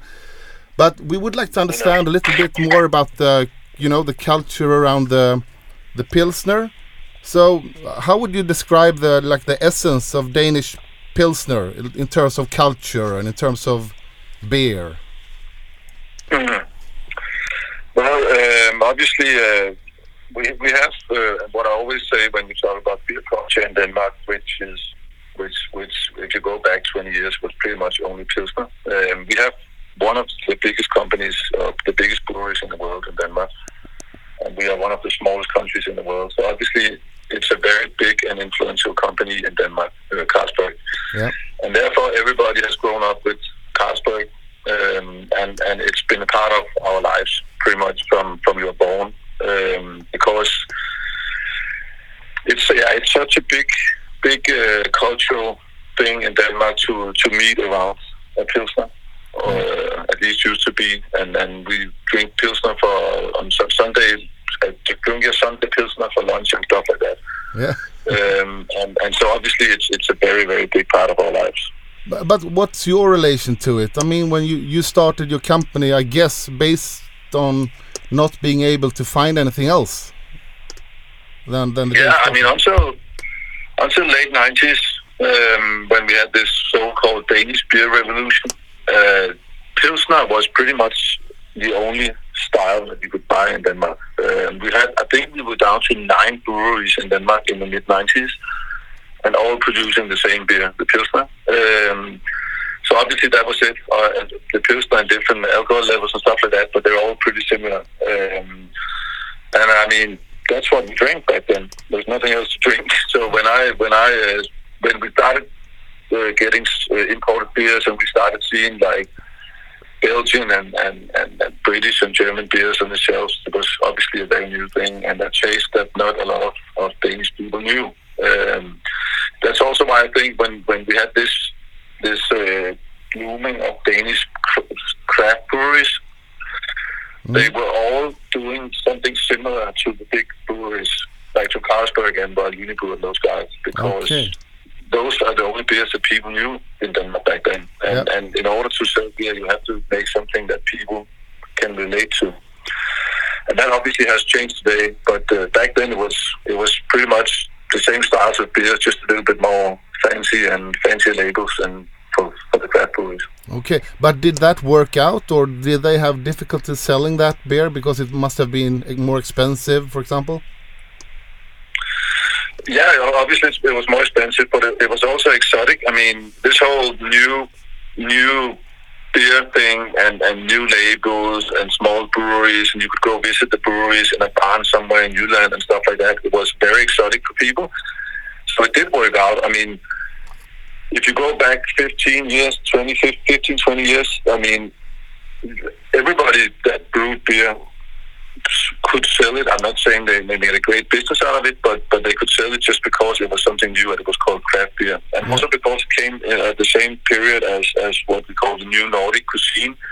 Like Noma, Noma uh, got voted the best restaurant in the world, and and so there was a big bloom of, of Danish uh, gastronomy and, and food culture, and, and with that came beer culture as well. And, and for Mikkel as well, it was I think it was a big help that there was so much focus on Danish uh, Danish food and, and, and, and gastronomy back then. Yeah, yeah, yeah. Um, and then, I mean, if you if you fast forward to today, obviously things have changed a lot. We have a lot better breweries now, in my opinion, uh, craft breweries. And, and today you actually have to make good and interesting beer if you're a craft brewery in order to, to, to catch the customers. And I think that's that's that's great. But but what's your personal relation to you know, the green Danish pilsner? What what do you think about it?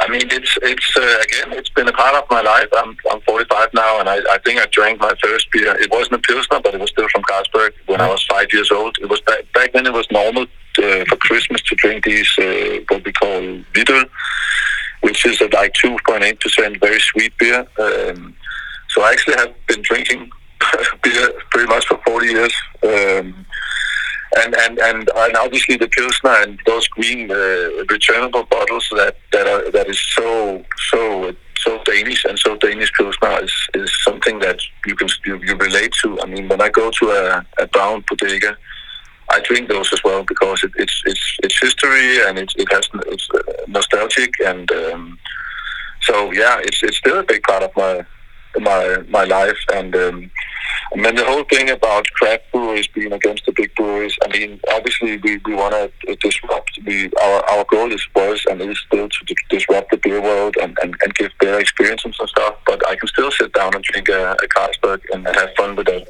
It's just in a different setting and different environment. And but yeah, I also seen that you have launched a few new beers, like more of a Danish image. I, I get the feeling more of a bodega kind of image to it. Is that true? Yeah, definitely. I mean, uh, the, the best example is probably our East Coast Classic. Actually, Classic is a Danish Danish uh, beer style invention. It's a pilsner with a little bit uh, a little bit of sweetness and, and a little bit of dark malt, so it gives like a or caramel, so it gives like a it's a little it's a little bit darker and sweeter. Yeah. And it's actually taken over in Denmark. Uh, the best selling uh, style in Denmark today is actually Classic. It's not pilsner anymore. Um, and then we, I did my, my version of, of a classic, which uh, obviously I, I, I did it how I think a classic should taste, and not like the big breweries are doing it. Um, and it's become extremely popular in Denmark because it's a, it's a style that Danish people can relate to. It's it's it's uh, it's an extension of the pilsner in Denmark, and uh, yeah, and um, and also I do. I mean, I've I've kind of taken a step back in my in my beer uh, my beer career and uh, going back to, to more traditional styles like the pilsner. I've, I've we're brewing like German style pilsners as well and, and, and, and Asian style and stuff like that. So Yeah. and they're becoming more and more popular in the craft beer world as well, which is, I think is I I actually think is great because I mean the, the the the pilsner has a bad name in the craft beer world because it's it's compared to the big guys pilsner. Yeah. But I think it's, it's a pity because we can actually brew great pilsners in, in on small in small breweries as well. Yeah, that's true. I think there's come a lot of good Pilsner style of beers from from smaller breweries in the past years now. So that's great. I agree. What do you say, guys? Do you have any other, other questions? Uh, hi, Mikael. Hey, How are you? I'm alright. I'm Yeah. better today than than last week because we're now open and in Denmark, and we're actually seeing we're actually moving forward now. We're seeing uh, that things will get better. Hopefully, let's cross, cross fingers. We don't we won't go back to lockdown. So Yeah. things are a little bit more bright now that you can actually go out and drink beer and, and, and go to restaurants and stuff, and we can we can meet our our, our customers and so. I'm very glad to hear that. optimistic. Yeah, and we've been Alright. selling a, bit, a lot more beer to Denmark as well because of this. It's uh, we haven't maybe good. we haven't maybe like no export for a long time, and uh, yeah, thanks to Denmark, we actually been selling some beers on exports again, which is nice. Yeah, that's great. But uh, I just want to say that I've always been very jealous of Denmark because in Sweden we have no culture with beer that's we can see as our own culture with beer, and so I always been jealous of the Danish beer culture in that you have something that you can yeah, see as your own. And do you think that's been very helpful for you as a when you started craft brewing that you had something a foundation to go on that it's um, it's part of the Danish culture in a way.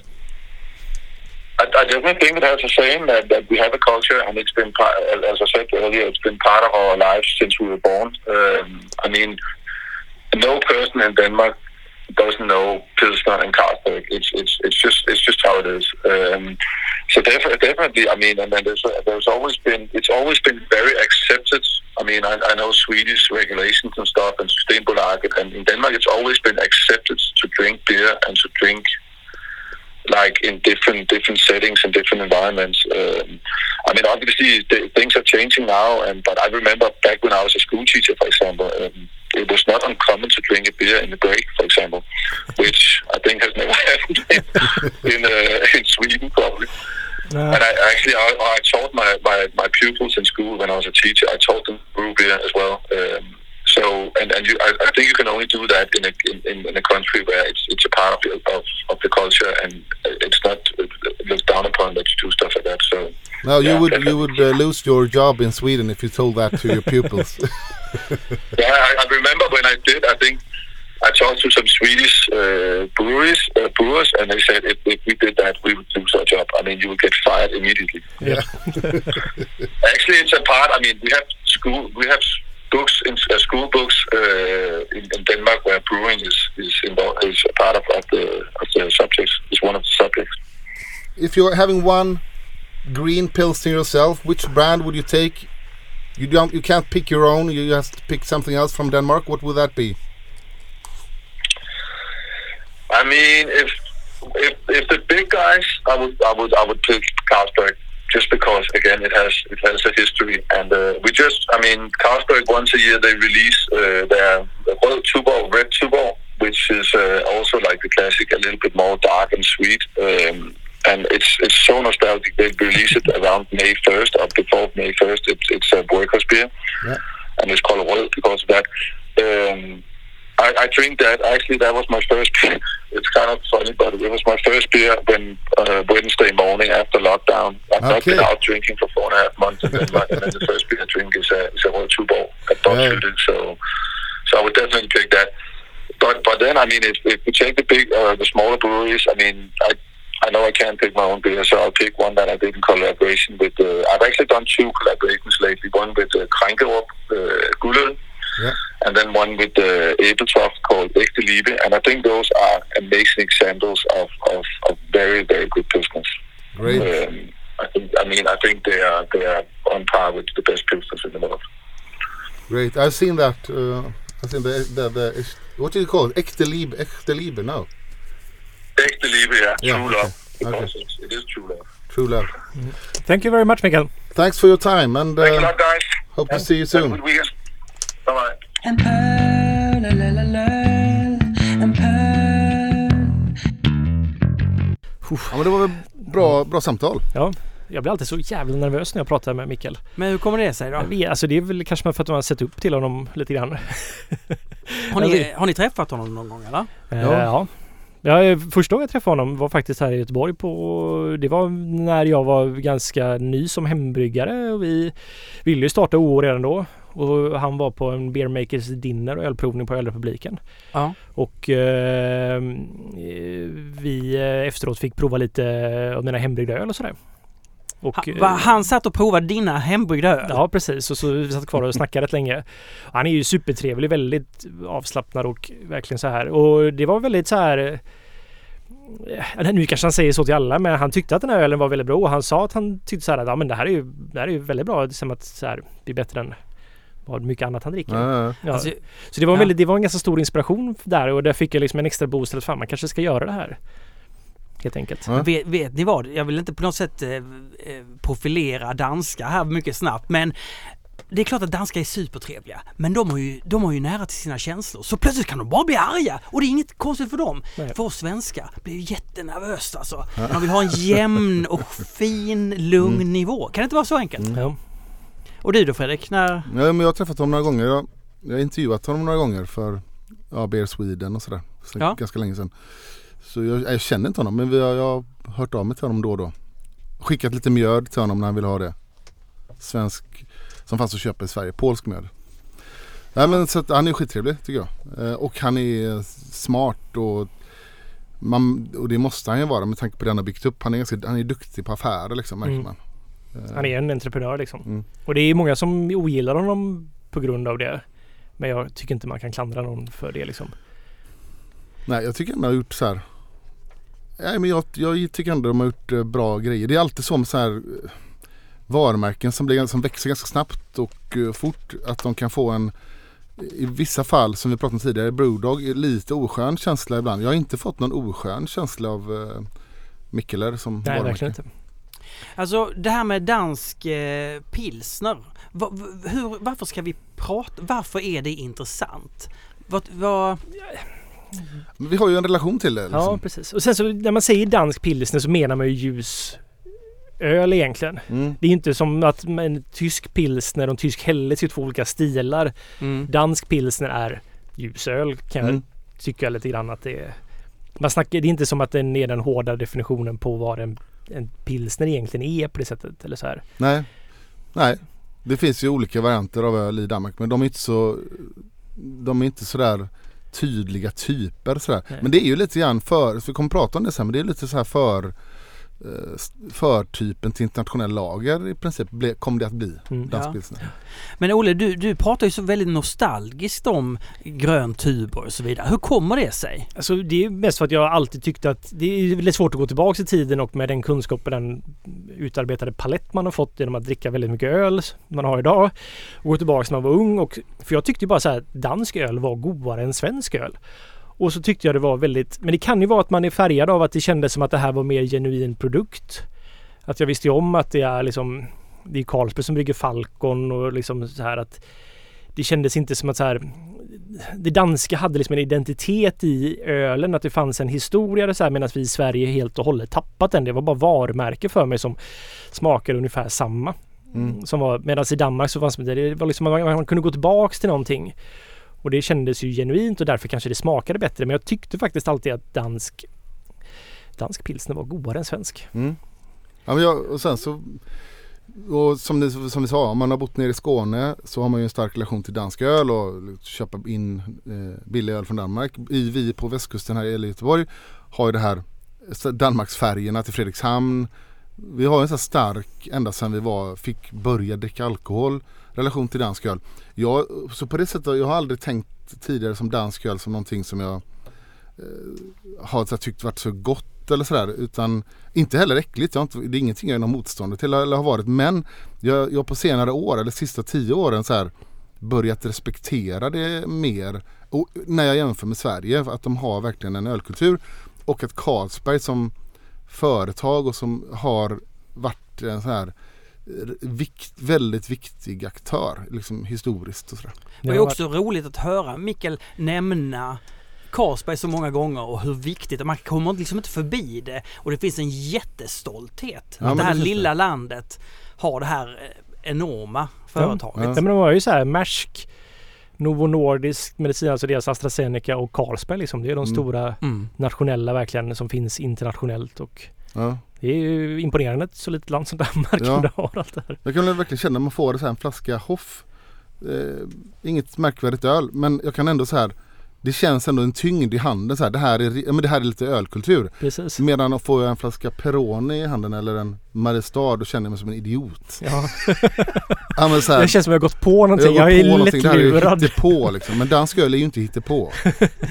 Eller så. Nej men alltså men det här med, med historia. Nej, men det är som min pappa säger till mig. Gör fotoalbum. Gör fysiska fotoalbum. Titta tillbaka i tiden på ditt eget liv.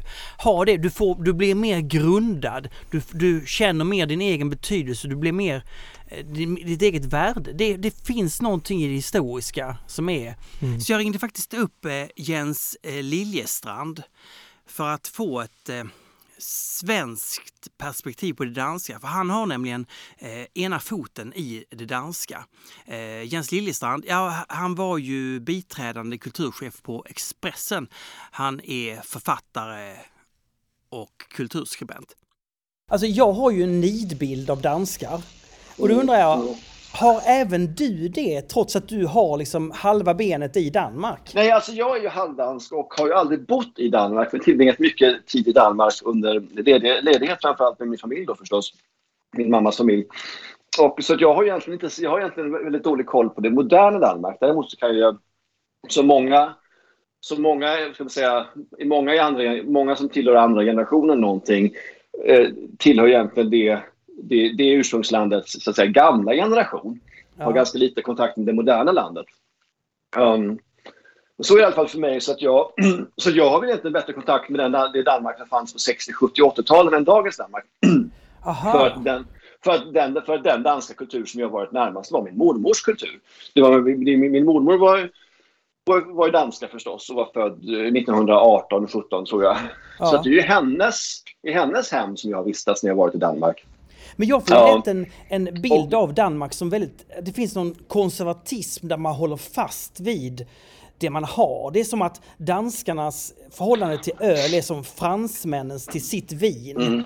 Ja, så är det. Men man ska komma ihåg att matkultur är ju väldigt generationsbundet. Alltså, för att ta, för att ta en parallell här. När jag är i Danmark så köper jag alltid färskbakad varm leverpastej. Det kan man köpa i dans, alltså motsvarigheten till dansk ICA har liksom ungefär som i svenska butiker har liksom grillad kyckling. Ja. som, som ligger någonstans och som är fortfarande varm. I danska affärer har du varm nybakad leverpastej. Grov, kornig sån här. Som fortfarande är varm. Och det köper, jag, det köper jag alltid när jag är på mitt anställe där och ska äta lunch. Och en gång så var jag där samtidigt som mina kusiner, mina danska kusiner med från, från eh, södra Jylland. Och så skulle vi äta lunch och de var på besök där. Och de tittade på mig och sa, vad är det du har köpt?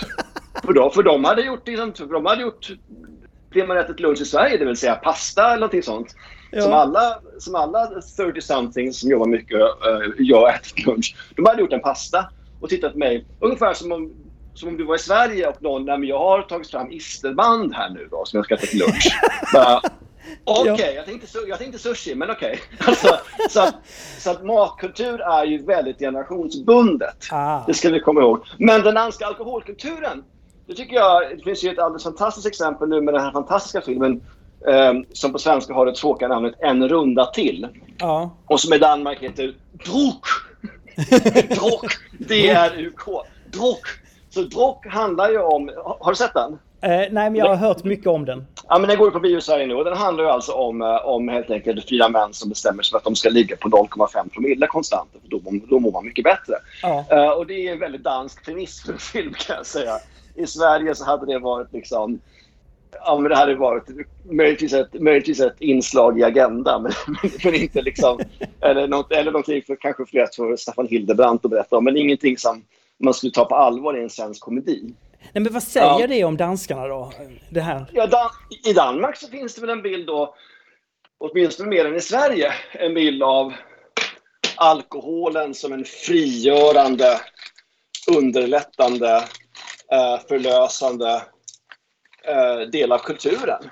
Att man i Danmark, det var en av de första saker som, eller en sak, som, sak som jag minns när jag, jag pluggade i Lund och läste litteraturvetenskap i Lund.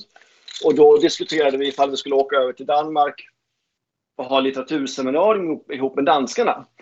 Ja. Eh, och då var det en av de svenska lärarna som sa att kom ihåg nu att åker man till Danmark så tror ingen att man är galen om man sitter och diskuterar litteratur med en öl i handen. Nej. För det gör vi inte i Sverige. Vi har inte litteraturseminarier där folk dricker öl. Öl kan man, kan man dricka efteråt på en eftersits när man går ut eller så. Man skulle inte sitta och ha, bedriva något slags utbildning eh, medan man sitter med en öl i handen. Det gör man inte i Sverige. Nej. Så där finns det en tydlig skillnad också på att, att, att man med, med ölens hjälp eller alkoholens hjälp blir mer spirituell och liksom mer, mer levande och dynamisk och tanke, låter tanken flyga lite mer. Och så. Ja, okej. Det finns en... Eh, fransmän och danskar har mer gemensamt än danskar och svenskar. I det avseendet så låter det ju som ett rimligt påstående, ja. Ja. Men, men du, du vittnar ändå om generationsskillnader. Händer det någonting... Alltså, närmar sig Sverige det danska sättet någonsin? Tror du? nu kommer vi in på familjehistoria här, men alltså... ehm, min mormor pratade ju om sin förmiddagsöl som ett begrepp. Jag gick en gång få min förmiddagsöl. Eh, och, då, och i Sverige skulle man ju inte prata om förmiddagsöl, men i Sverige har man kanske du vet, elva kaffe. Så Ja. jag skulle säga att, jag, vet inte, jag, jag kan inte svära på hur det är för danskar idag. Men för en äldre generation danskar så är det definitivt så att öl var ungefär, att ta en öl är som att ta en kaffe. Ja. Det vill säga, nej men nu sätter vi oss ner och tar en kaffe. Kan ju någon säga i Sverige, eller hur? Nu sätter vi oss ner och tar en kaffe. Mm. Eh, I Danmark är det motsvarande säga, nej men nu sätter vi oss ner och tar en öl. Mm. Eh, det är ingen stor grej att jag öppnar en öl. Det, inte, det, det, betyder inte att det har börjat någon slags fest. Eller att vi har liksom börjat supa ihop. Men ungefär som om man ska ta en kaffe. Nu sätter jag mig ner och kopplar av. Liksom, tar, tar, tar en öl. Eh, och jag, jag, tror inte, jag, tror inte att Sverige, jag, jag tror inte att Sverige är på väg dit. Jag tror att vi snarare, alltså, den, den värld som jag känner till som är journalistbranschen är snarare tvärtom. Att det har blivit mycket hårdare, liksom, striktare normer kring att dricka alkohol dagtid. Eh, när jag var anställd på Expressen till exempel så vet jag att det var ju absolut förbjudet att dricka alkohol under arbetstid. Absolut förbjudet att ta med sig alkohol in i, arbets, eh, att ta med sig alkohol in i redaktionslokalen. Alltså, du fick inte ha fest på redaktionen efter arbetstid heller. Utan liksom det var ingen som helst alkohol fick förekomma i samband med Expressen. helt enkelt. Nej, och det tror jag är ganska typiskt för Sverige. Så det är snarare så att vi har Jag, jag tror inte att vi närmar oss den liberala synen på alkohol som, som åtminstone har funnits i Danmark. Nej. Ja, men, och slutligen, längtar du efter mer danskhet i Sverige? Um, alltså jag är ju ingen stor öldrickare får jag, får, får jag väl erkänna här. Det, det jag kan tycka om med Danmark det är väl så fall liksom att det här att börja dagen med en gammeldansk eller börja dagen med alltså, och snaps framförallt. Alltså den danska snapskulturen tycker jag är, är formidabel. Eh, och att du kan köpa i Danmark på liksom en trevlig gårdsbutik så har du också här säljer vi vår egen grankottssnaps eller någonting, vår egen jubileums snaps. Det tycker jag är väldigt mysigt med den, med den danska snapskulturen. Eh, öl? Nej men öl, alltså jag kan ju... Tuborg och Carlsberg är ju förstås mina favoritöler. Det får jag ju erkänna som... som det är så, pass, så pass patriotisk måste man ändå vara som, som halvdansk tycker jag. Ja. Ja. Tack för att eh, du var med. Ha det bra. Hej! Hej, hej.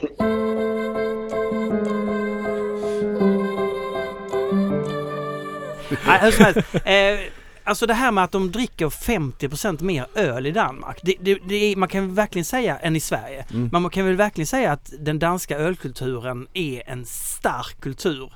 Ja. Och i Sverige har det aldrig egentligen varit någon stark. Nej, vi, alltså vi har ju präglat Sverige så mycket av alkohol, av regler och, och lagar och, och så här att vi, och en väldigt konstig relation till alkohol. Så att medan Danmark har haft en nästan motsatt relation till alkohol. Eh, man börjar dricka tidigt man har, och man ska ju i det här samma veva måste man också nämna att, Dan, att de har mycket mer problem med alkohol. Alltså det, det är ganska utbredd eh, så alkoholism. De, det, Danmark är väl ett av de länder i Europa, om inte det mest, som har mest så här binge drinking där ungdomar börjar dricka tidigt. Och så att, det- är klart att det för med sig en massa problem också. Det ska vi nog också Det är ju lite unikt på det sättet att de har ju både binge drinking och vardagsdrickandet. Båda de grejerna medan i typ andra länder så kanske det binge drinking inte har varit en kultur alls. Bin, nu måste vi... Alltså binge? eh, man hetsdricker på helger liksom. Ja. Ja. Som vi svenskar gör väldigt, Mm. väldigt mycket. Ja. Vi håller oss nyktra hela veckan och så på helgen då jävlar Mm. super vi. Men bara säga, typ som i södra Europa så har man ju mer haft att man vardagsdricker lite oftare, att det inte är Mm. något problem. Och så har binge drinking inte funnits. Danmark har haft lite både och där. Mm. Men de, Det- ja, Alltså, eh, man kan ju se eh, en historik i Sverige som handlar mer om spriten. Mm. Eh, alltså potatisspriten som, som, eh, som drängarna fick som betalning. Och då, då var det ju på helgen som man plockade ut det och man drack sig superfull. Man låg med någon jänta så var tvungen att fixa det. Och, eller en jänta låg med en... Eller alltså det var sex. är ni med? Mm. Ja, eh, och det var sprit. Mm. Sex och sprit, det hör ju Ja. ihop så att säga. Eh, nej, eh, förlåt. Våld, nej, våld och sex och sprit. Mm. Våld och sex och sprit hör ihop. Mm. Eh, och den, den kulturen eh, har vi nog kvar och sen så, eh, så jag tänker att IOGT var ju så otroligt eh, effektiva i Sverige. Var inte lika Mm. effektiva i Danmark. Nej. Nej. Och jag såg en Nej men så är det. Och de, jag såg en film om dansk eh, så här, alkoholkultur. En runda till, har ni kanske hört talas om? Otrolig film, eh, fantastisk och den handlar lite grann om, eh, bara kort det, det är fyra lärare som, ja, livet är ganska tråkigt och de känner ingen riktig glädje. Så är det någon av dem som har läst, det finns någon norsk, jag vet inte om man är psykolog eller filosof eller både och, Mm. som har haft någon teori om att vi har för lite promille i kroppen nu. Vi, vi är gjorda för att ha lite mer promille i kroppen. eh, han har själv, den här psykologen, eh, filosofen, har nu tagit lite avstånd från det att han är med att bli lite misstolkad. Sådär. Men skitsamma, de har byggt den här filmen kring det. Att då, då kommer de på de här fyra länderna, om vi dricker och håller uppe en konstant alkoholnivå på 0,5 promille så ser vi hur det blir och då, har, kör de det som ett hemligt experiment. Så att på dagen i skolan när de undervisar och när de så här, då har de hela tiden 0,5 promille i kroppen. Och den filmen är så, alltså eh, första halvan är så härlig. Man, jag har aldrig blivit så sugen på att dricka som när jag sett den här filmen. Det är helt magiskt. Såklart sen så blir det inte bara nice. Jag ska inte avslöja mer. Men den är väldigt bra. Den Nej, min eh, flickvän hon jobbar ju som, gör sin PTP som psykolog på en beroendeklinik för just alkohol. Och hon var tvungen att se den här filmen för hon, många av hennes patienter pratar om den nämligen. Vad tyckte hon då? Hon tyckte den var fantastisk. Ja. Ja det är den. Ja, hon tyckte den var jätte, jättebra. Så vi ska se den tillsammans igen tänkte Ja kul. Mm.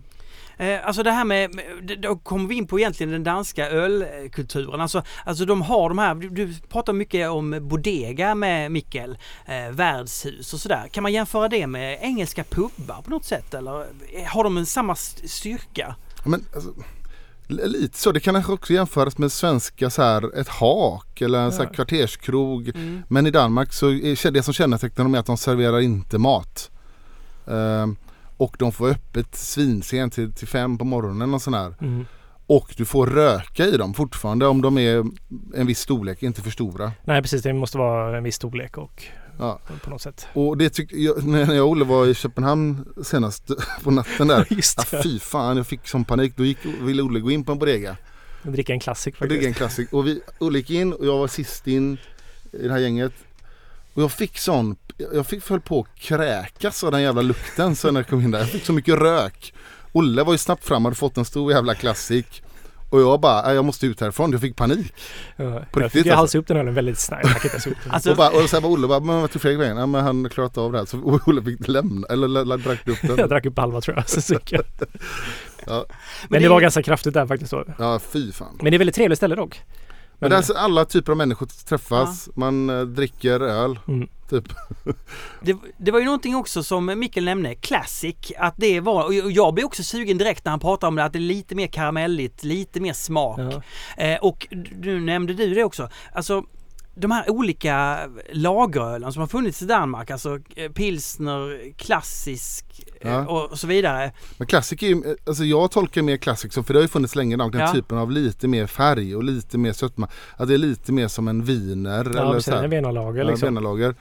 Ehm, och sen har de ju sin pilsner. Men sen Mm. Danmark har också mycket så här eh, påsköl och julöl. Mm. De har lite starkare lageröl. Det är väl det också som många tänker på Danmark. De tänker på lite starkare elefantöl och så här.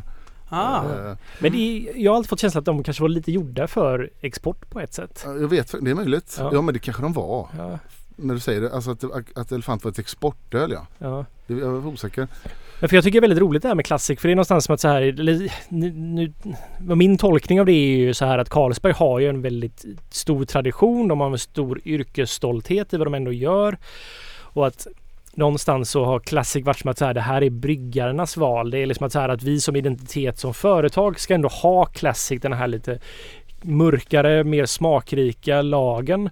Och att hade fått liksom i många andra delar av världen så har det bara, bara blivit storstark liksom ljus, lager, någon form av pilsnervariant liksom så här som kanske bara, det finns i 51 versioner men de har alltid varit väldigt måna om att vi ska ha Classic. Mm. För att det finns i Carlsbergs liksom, identitet på något sätt ska finnas. Så det har blivit så här att om du går på en krog så finns det en ljus och Classic. Ja. Det är de två som finns liksom. Så där har du täckt hela spannet på något sätt och tänker de så här att men det var roligt att han sa att de, den säljer bättre idag än Just vad, ja precis. Än, än vad den gröna pilsnen. det Ja. är ju faktiskt väldigt roligt i sådana fall på ett sätt och vis. Sen har de också haft en tradition av Porter Stout, underjäst Porter Stout, alltså Mm. baltisk Porter, en av de första inom det och så här. Ah, Så, ja. Och lite veteöl. Så det har ändå funnits lite olika typer av öl. Men som Olle sa, det är de, den, den, här Classic som har varit det stora liksom. Mm. Och pilsner. Man får ju lätt en känsla av att eh, om vi nu ska gå in på den, den danska pilsnern eh, och det som vi kännetecknar. Alltså att det är lite för danskarna som, som franskt vin är för fransmännen. Som den italienska matlagningen är i Italien. Mm. På något sätt, varför ska man gå utanför det man har som är bra så att säga? Mm. Varför ska jag äta någonting annat? Varför, varför, så vidare. Ja men absolut. Kan man se det som det? Ja, och man kan också se det som att de sköt sig själva i foten tänker jag. Alltså Mikkeler kom ju som en reaktion mot den danska ölkulturen. Det förstår jag liksom att de tänkte väl kanske att ja, men har pilsner och classic. Det behöver inga fler öl. Medan det finns så mycket, mycket mer och det var ju det Mikkel upptäckte liksom att Ja. vad roligt det här var. Och att då skapa det som en motreaktion till det. Ja. Men nu kanske de börjar växa ihop igen liksom. Mm. Så här, ja att men lite så. Jag, jag fick också den känslan att förr minns jag att han mycket mer gjorde statements mot eh, Carlsberg. Han tog kort på huvudkontoret i Köpenhamn. Det är det enda högerhuset i Köpenhamn. Ja. Det är Carlsbergs huvudkontor. Att han tog kort på det och gjorde så här tykna eller så här roliga kommentarer. Men att han nästan har förlikats lite grann nu med, så upplever jag det. Mm. Det finns en klassisk marknadsföringstaktik. Eh, om man vet hur en, säg en Ferrari, hur ser den ut? Jo, då får ni en bild i huvudet. Mm. Om man då är ett riktigt Ferrari-fan så blir man kanske vansinnig när plötsligt Ferrari kommer med en SUV. De lanserar en SUV. Det där är ingen Ferrari. För fan, det där är ingen SUV, tycker väldigt många. Det kommer, det startas grupper. Det blir... Det enda det gör är att människor som gillar Ferrari blir ännu mer säkra på vad Ferrari ska vara och är och de blir ännu mer förälskade i Ferrari. Ja. Man, man väcker egentligen människors hjärnor. Och det kanske var det ja, det ligger Mikael gjorde. det. Ja. Oj, nu öppnas det öl. Eller ska vi prova något öl eller? Ja, det, det ska vi tydligen. Kan jag få plåta så här? Jag tänker att vi provar den danska. Västfyn! Det är sjukt men jag kan redan känna doften av eh, dansk pilsner i det här rummet.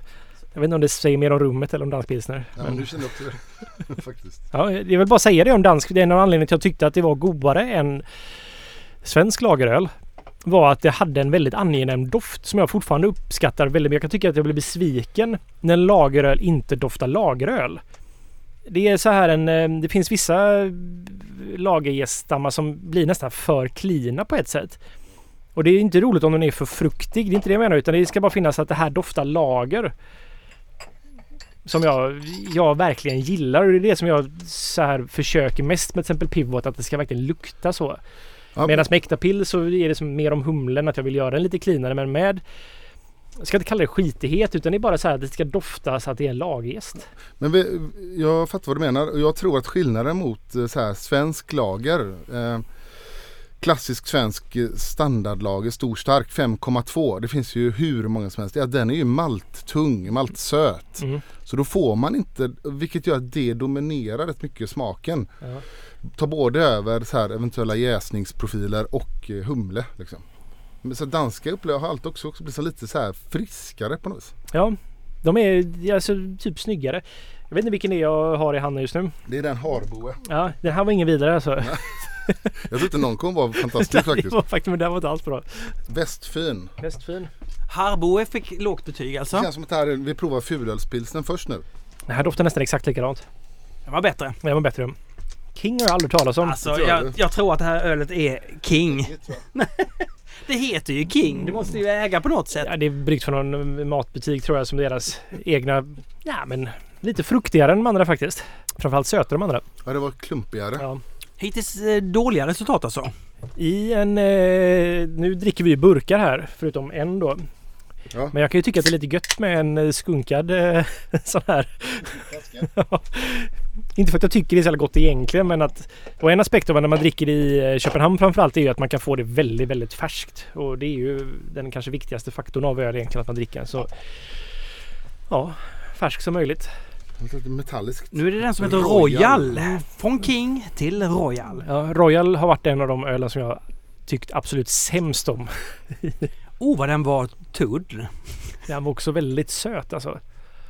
Jag minns den här att den hade ganska mycket diacetyl förr i tiden.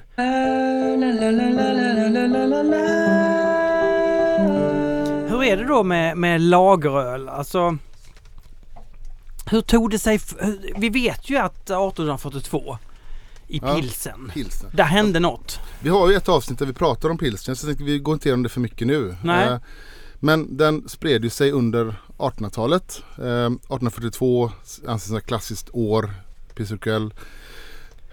Under andra delen av 1800-talet då utvecklades väldigt mycket vetenskapen kring öl. Man kan säga att det var då den moderna ölindustrin föddes. Det var då det gjordes mycket så här upptäckter. Louis Pasteur, eh, kyl, de stora kylmaskinerna kom. Eh, och en upptäckt som också gjordes på Carlsberg var ju, eller upptäckt, man lyckades isolera eh, eh, en encellig gäst helt enkelt och odla upp den. Vilket var helt unikt. Plötsligt hade man kontroll över jäsning på ett sätt som man inte hade innan. Och det här brukar beskrivas som kanske den absolut viktigaste upptäckten i, i ölvärlden någonsin. Det här måste ju vara grunden till Carlsbergs storhet. Ja det är det ju. Ja, det är liksom sista pusselbiten för att kunna industrialisera öltillverkningen. På Det det- enda man precis. vill. Nej, men det var det som gjorde att man hade bättre kontroll på jäsning, bättre kontroll på slutresultat. Man kunde också exportera öl mer och säkrare. Precis. Och kan bara tillägga en sak. Vi pratade ju om syra förut. Det är ju eh, en av Carlsbergs grundare tror jag till och med. Jag kommer aldrig ihåg vad de heter. Men som uppfann pH-skalan. Ja just det.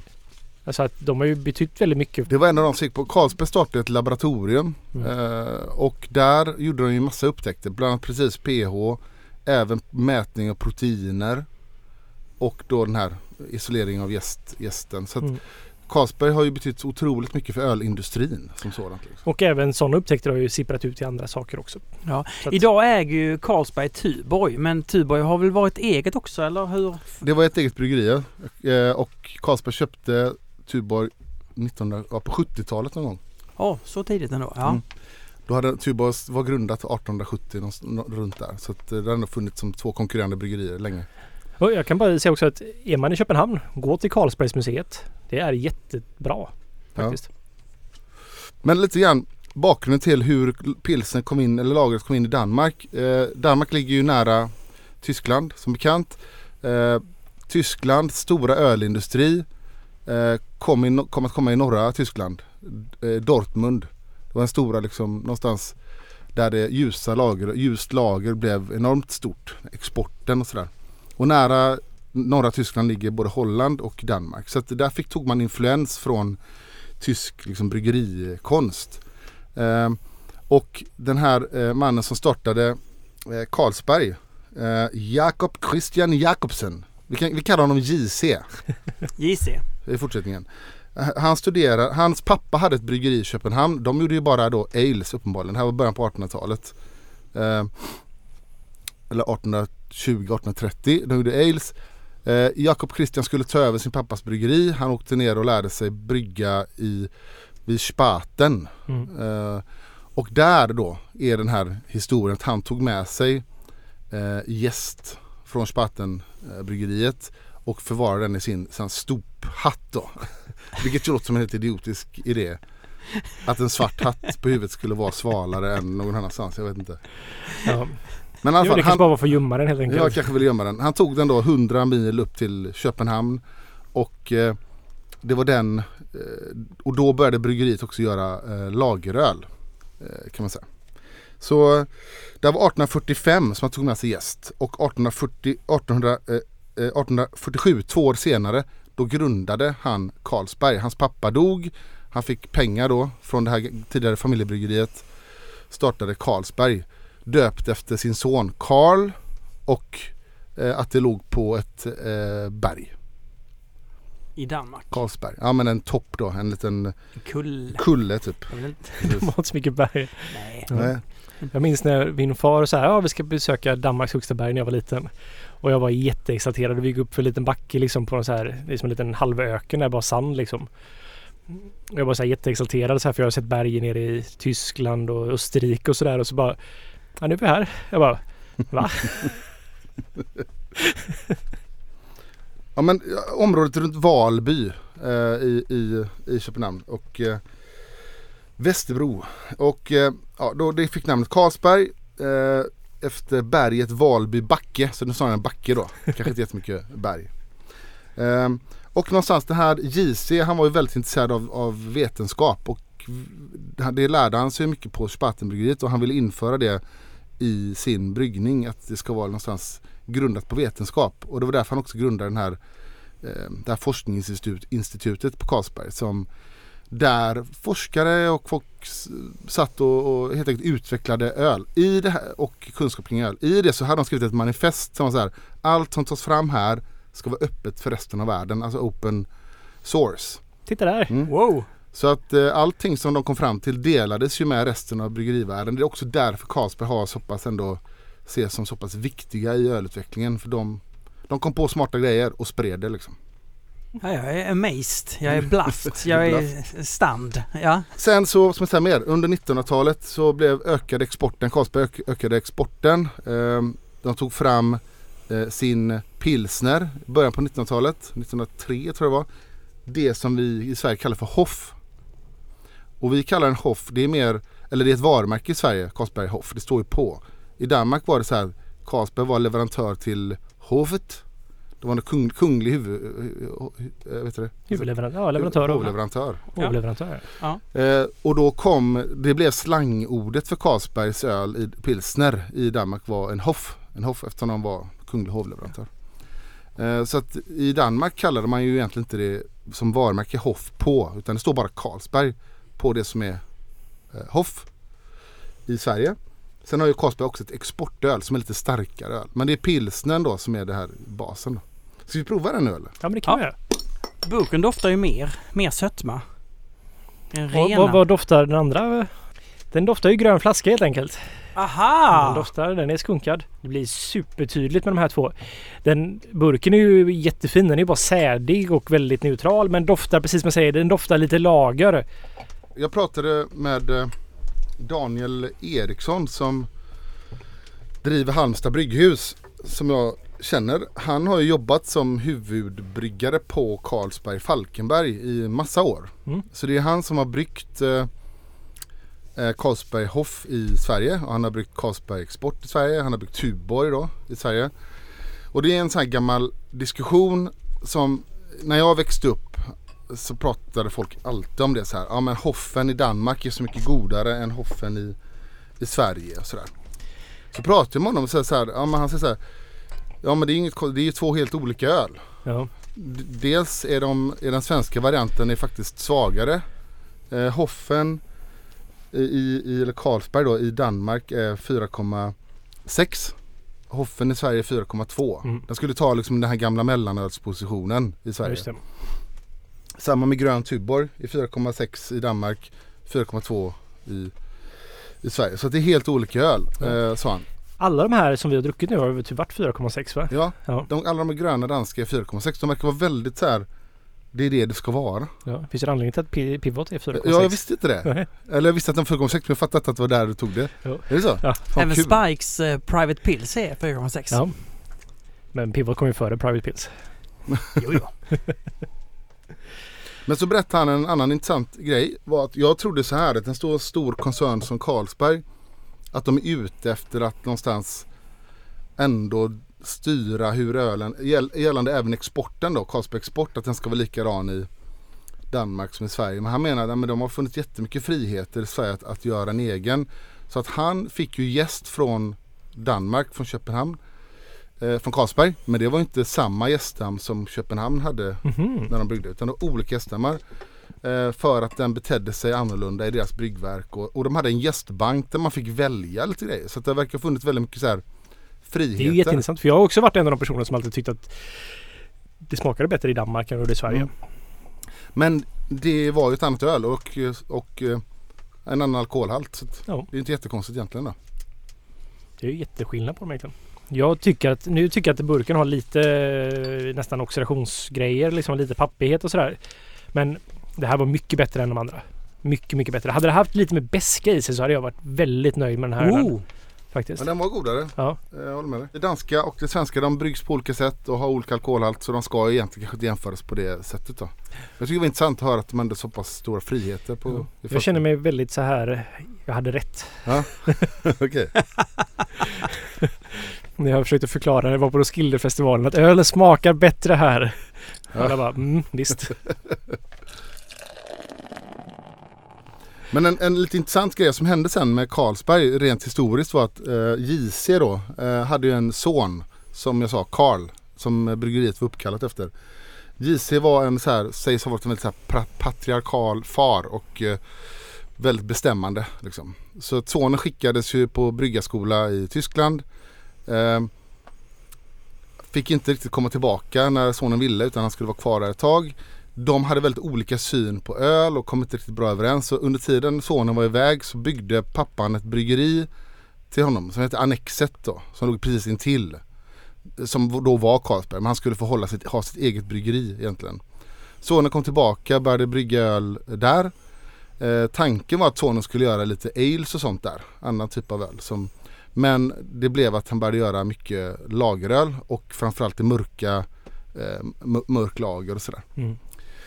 De blev mer och mer oense om eh, hur öl skulle göras och eh, pratade inte med varandra. Eh, enligt då, när jag pratade med Daniel så finns det, de får lära sig på den här Karlsbergsskolan för de höra rätt mycket om eh, ja, hur det här gick till. Och en sånt exempel var att eh, Gise då, fadern hade sagt att öl ska lagras i ja, lång tid tyckte han. De skulle, öl skulle lagras i mellan så här, jättelänge, fyra till, till fem månader var det liksom prat om. Medan sonen tyckte nej nej nej, utan två tre månader räcker. Liksom. Eller tre månader räcker. Så de har väldigt olika syn på det och marknadsföring och försäljning och sådär. Jag tänker framförallt marknadsföring tänker jag var kanske det största Ja grejen. absolut. Ja. Vilket gjorde att eh, eh, sonen bröt hel med, med fa, fadern då. Lämnade det bryggeriet, sta- startade ett nytt bryggeri som också var precis intill som heter Nya Carlsberg. What? Ja. Och så under fem, sex, under sex år konkurrerade de här med varandra, far och son.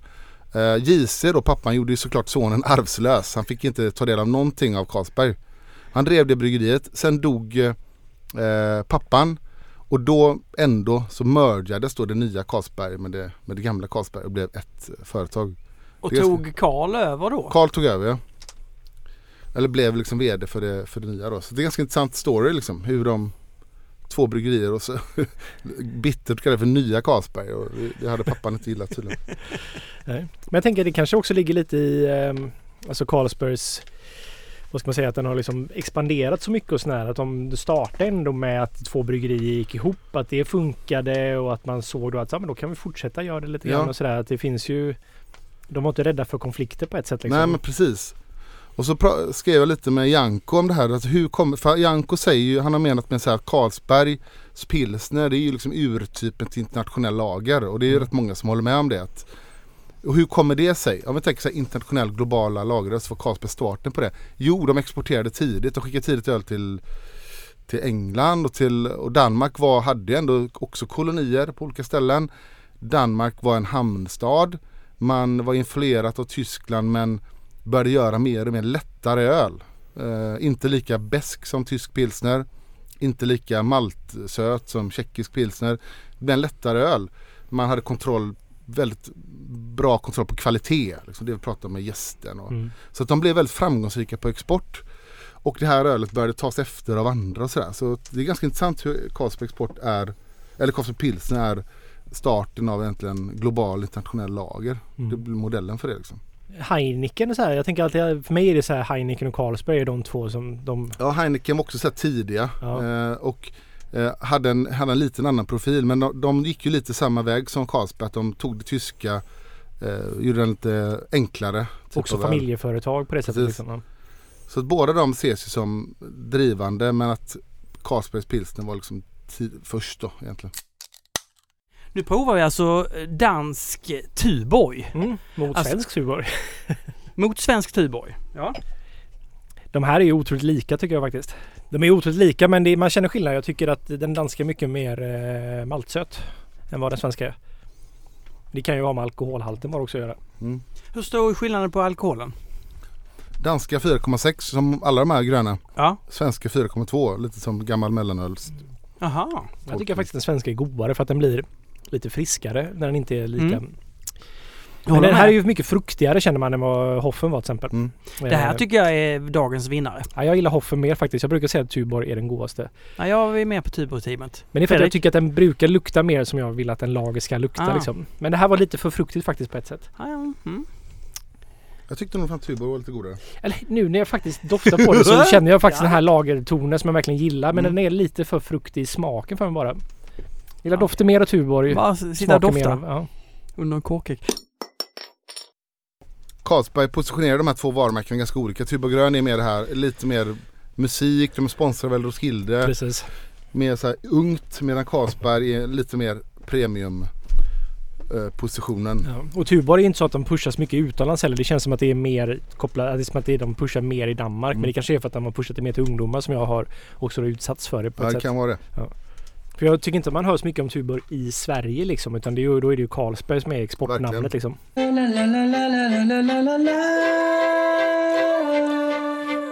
Testa dina danska kunskaper kopplat till eh, Bayer-uttryck då. Va, va, Bayer står då för en öl alltså? Det är samma som öl? En Ja, Bayer? jag tror det. Det är väl en öl. Liksom en en, bä- öl. en bärs är det liksom. Svalebajer. Svalebajer. Svelig Bayer, alltså... Svalebaj, alltså... Ja, man får svalka sig. Exakt. En öl där verkar svallande fäcks när man svedar. Jag tänkte på Svale men det är ju ren göteborgska Ja, det trappuppgång det är det. liksom. Ja. Ja, okej. Ja, bra, Nästa. bra jobbat, Jag är bra taggad här jobbat, nu. bra 1-0 till Martin. Då kör vi. Svedberg. Okej, ni är beredda? Håndbajer. Handöl. Håndbajer. Ja, det Ja. tror jag. Gåöl liksom. Flaske öl det drickes ur av flaskan. Alltså info, Ja, okej. uformellt. Alltså oformellt. Okej? Formiddagsbajer. Ja, förmiddagsöl. Ja, förmiddags. Flaske öl det drickes om förmiddagen. Hyggerbajer. Hyggöl. Ja, ja hygge, alltså Nej. mysöl. De säger inte hygge. Lyssna en gång till. Hyggerbajer.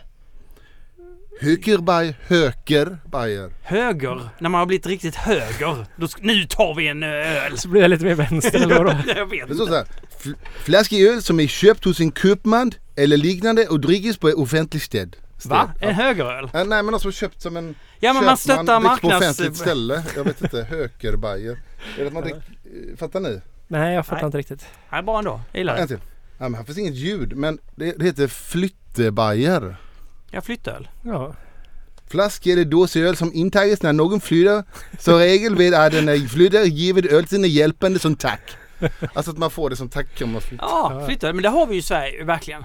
Flyttöl. det? Ja, Ja. men flyttpizza då. Ja flyttpizza Och då ofta, ofta, ja men då är det ju ofta en öl till. Va? Är det inte det? Ja, det är... Jo det är väl sant. Okej. Kvajebajer. Oh, kräköl. Kvajebajer. Oh, man mår lite illa. Kvaje. Oh, Kvajebaj, vad betyder kvaje? Kvällsöl. jag har ingen aning. Nej. Nej. Öl som har givit till andra som undskyldning för att man har dummat sig. Alltså Man, man, man, dum, man förlåt, dummat- en förlåt, förlåt öl. Åh, det är de bästa ölen. Förlåt mig. Förlåt, här har vi en öl. Allt är bra. Och sista, sista då. Ja. Det- Reparationsbajer. Åh, öl man reparerar sig. Ja, ö, bakfylleölen dagen efter Ja, är ölen. det det? Ja, det- Just det. Det måste det vara. Det är också Öl två öl. för dull med det värsta. Tummerman, det är, det, är det bakfylla då? Jag antar det. Måste. Okej, Det är var ju eh, lite såhär, Toöl har gjort en som heter reparationsbajer som var svingod. Oj. F- typ 4% i lager med massa humle i. Det var verkligen en bra reparationsöl. Det är, det är nog mitt fram... Alltså, det är det jag gillar mest av de danska uttrycken. Men det är ju lite som att så här, det är som eskimåerna har tusen ord för snö. Danskarna har tusen uttryck i alla fall för öl i olika sammanhang.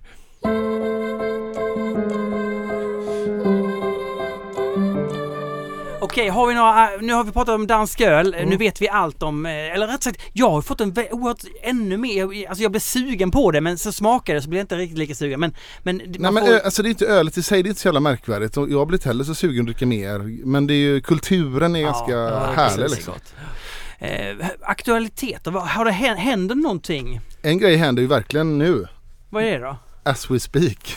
eh, krogar, de gamla krogavtalen. Och det här är något som jag har tjatat om många, många år. Och eh, nu har det visat sig, bara för ganska nyligen, så har eh, Konkurrensverket tagit tag i den gamla frågan om krogavtalens, om, om det är okej eller inte. Och ett krogavtal är alltså att ett, ett stort bryggeri säger till en krog eh, Ni har bara vår öl om vi hjälper er med inredning och tappkranar och... Och cash och pengar och Ja, förskott. precis. Det finns massa olika former av det här. Men grunden är som du säger, du, du ska starta en krog. Då kommer de stora in och säger, ja men vill ni ha lite pengar? Eh, det här kan vara i olika former. Att man säger så här, du kan få förskott på en rabatt. Säljer du 100 000 liter, men vi kan ge dig 10 kronor rabatt per, eh, per liter. Eh, det är en miljon.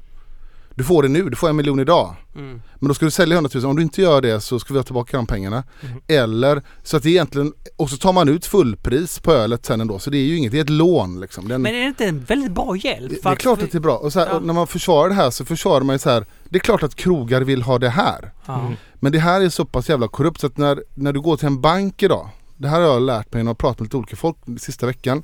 Så säger, och säger så här, jag ska starta en krog. Så säger, vet du vad banken säger då? Nej. Ja men gå till, eh, Carlsberg eller Spendrups eller Åbro. De kan hjälpa dig med lån.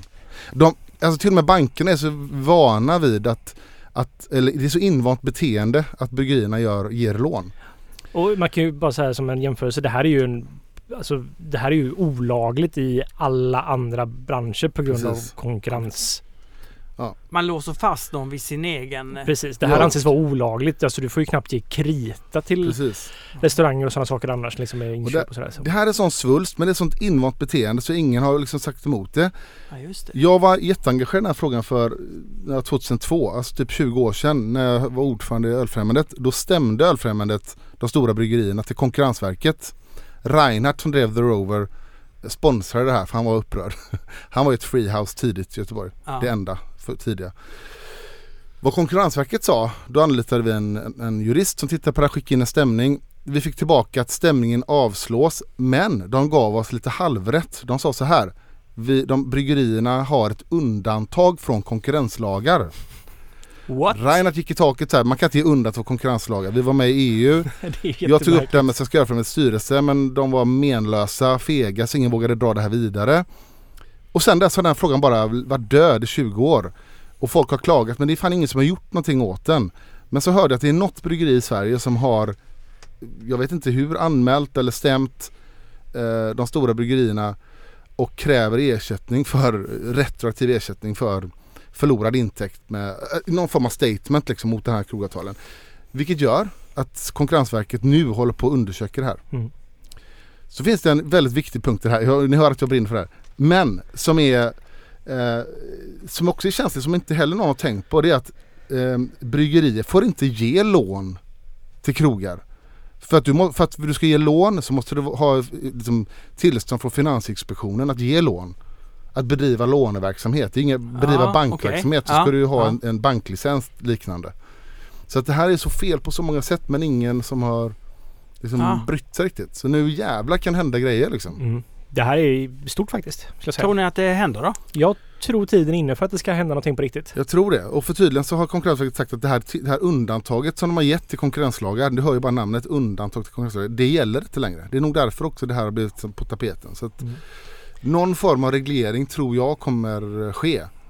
Det är, för det har ju varit en sån stor... Det är ju en sån, man har bara liksom förlikat sig lite att det är så här det fungerar Ja. liksom. Och det är ju jättedåligt ur konkurrenssynpunkt liksom. Vi förlorar ju kunder på grund av detta liksom. Vi försöker ju med Pivot Pills att få in bra Ja. hantverksöl som en alternativ till storstark. Ja. Men det är jättesvårt för vi kan inte konkurrera på lika villkor liksom. Nej, Och vi är så- förstår det. Alltså, vi klandrar ju inte restaurangerna. De måste ju göra vad de ska göra. Liksom. Nej, och precis, så folk kan ha svårt att analysera den här frågan. För det, är så här, det är klart att restaurangerna vill ha de här pengarna. Mm. Det är inte det det handlar om. Det handlar om att det är fel att ha, sätta den typen av avtal. Det är, det, det är mot lagen. Care of Hops och Johan på Care of Hops, han skriver nu ett reportage om det här. För Stockholmskrogarna drabbas ju av det här kanske ännu mer än Göteborgskrogar. För Stockholm är ännu mer reglerad krogmarknad. Där sitter säljarna, där är det högre hyror. Det är stenhårda avtal. Eh, Så han gör ett reportage om detta nu, eh, Care of Hops, det kommer komma.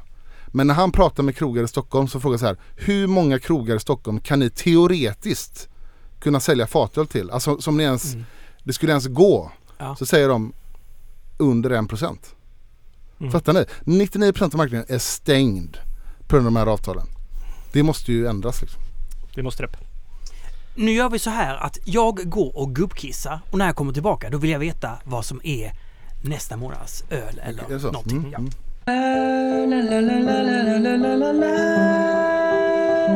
Gubbkissa för den som undrar, det är alltså att alltså man, man tar lång tid på sig. Farten Strålen har är... blivit svagare. Alltså det går så långt. Det, alltså, man, man, det, man, man har en härlig tid på toaletten helt enkelt. Det finns en sån teori som eh, Janko pratar om i sin podd.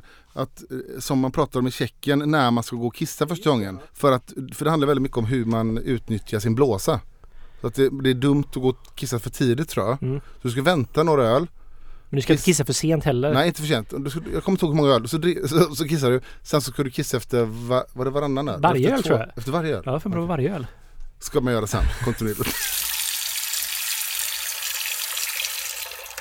Vad ska vi då sikta in oss på till om en månad? Ja men vi bestämde oss för tjeckisk ölkultur. Tjeckisk men det känns så oerhört klassiskt. Ja. Mm. Är det då öl med smör i? Det är inte bara va? Nej? Mm. Mm. Nej? Men vi ska Mm, prata om mm. ölkulturen kring i Tjeckien också. Ja. Och då tänker vi att vi kontaktar en person som kan det där. Det, det låter väldigt bra. Men vad ska man då ta hem från bolaget? Har ni några speciella öl man kan... Budvar tänker jag. Jag är ju inte ett stort fan av Urkel men det är ju klart man kan dricka Urkel. Urkel och Budvar. Mm. Eh, Det är de två? att det, det räcker väl nästan? Jag tycker det räcker. Så jag hade kunnat säga drick Budvar. Finns det någon svensk bryggeri som gör en bra tjeckisk eh, pilsner? Nej. För det är väl, ändå, det är väl pilsner vi pratar om här? Mm. Ja.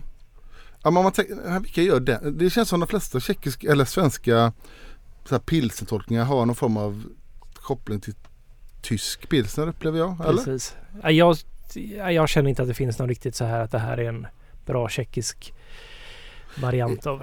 Alltså jag brukar ju säga att så här, det är liksom Pivot är lite inspirerad av tjeckiskt. Jag gör den lite maltigare men den är ju faktiskt minst mer, kanske mer inspirerad av dansk pilsner faktiskt. Men det finns bra men, men det känns ju poänglöst. Det, låt, tycker jag i det här avsnittet. Köp Ja. tjeckiskt liksom. Ja, men mer om det alltså om en månad. Mm. Gå med i Svenska Ölfrämjandet. Tack för idag. Tack. Hopp.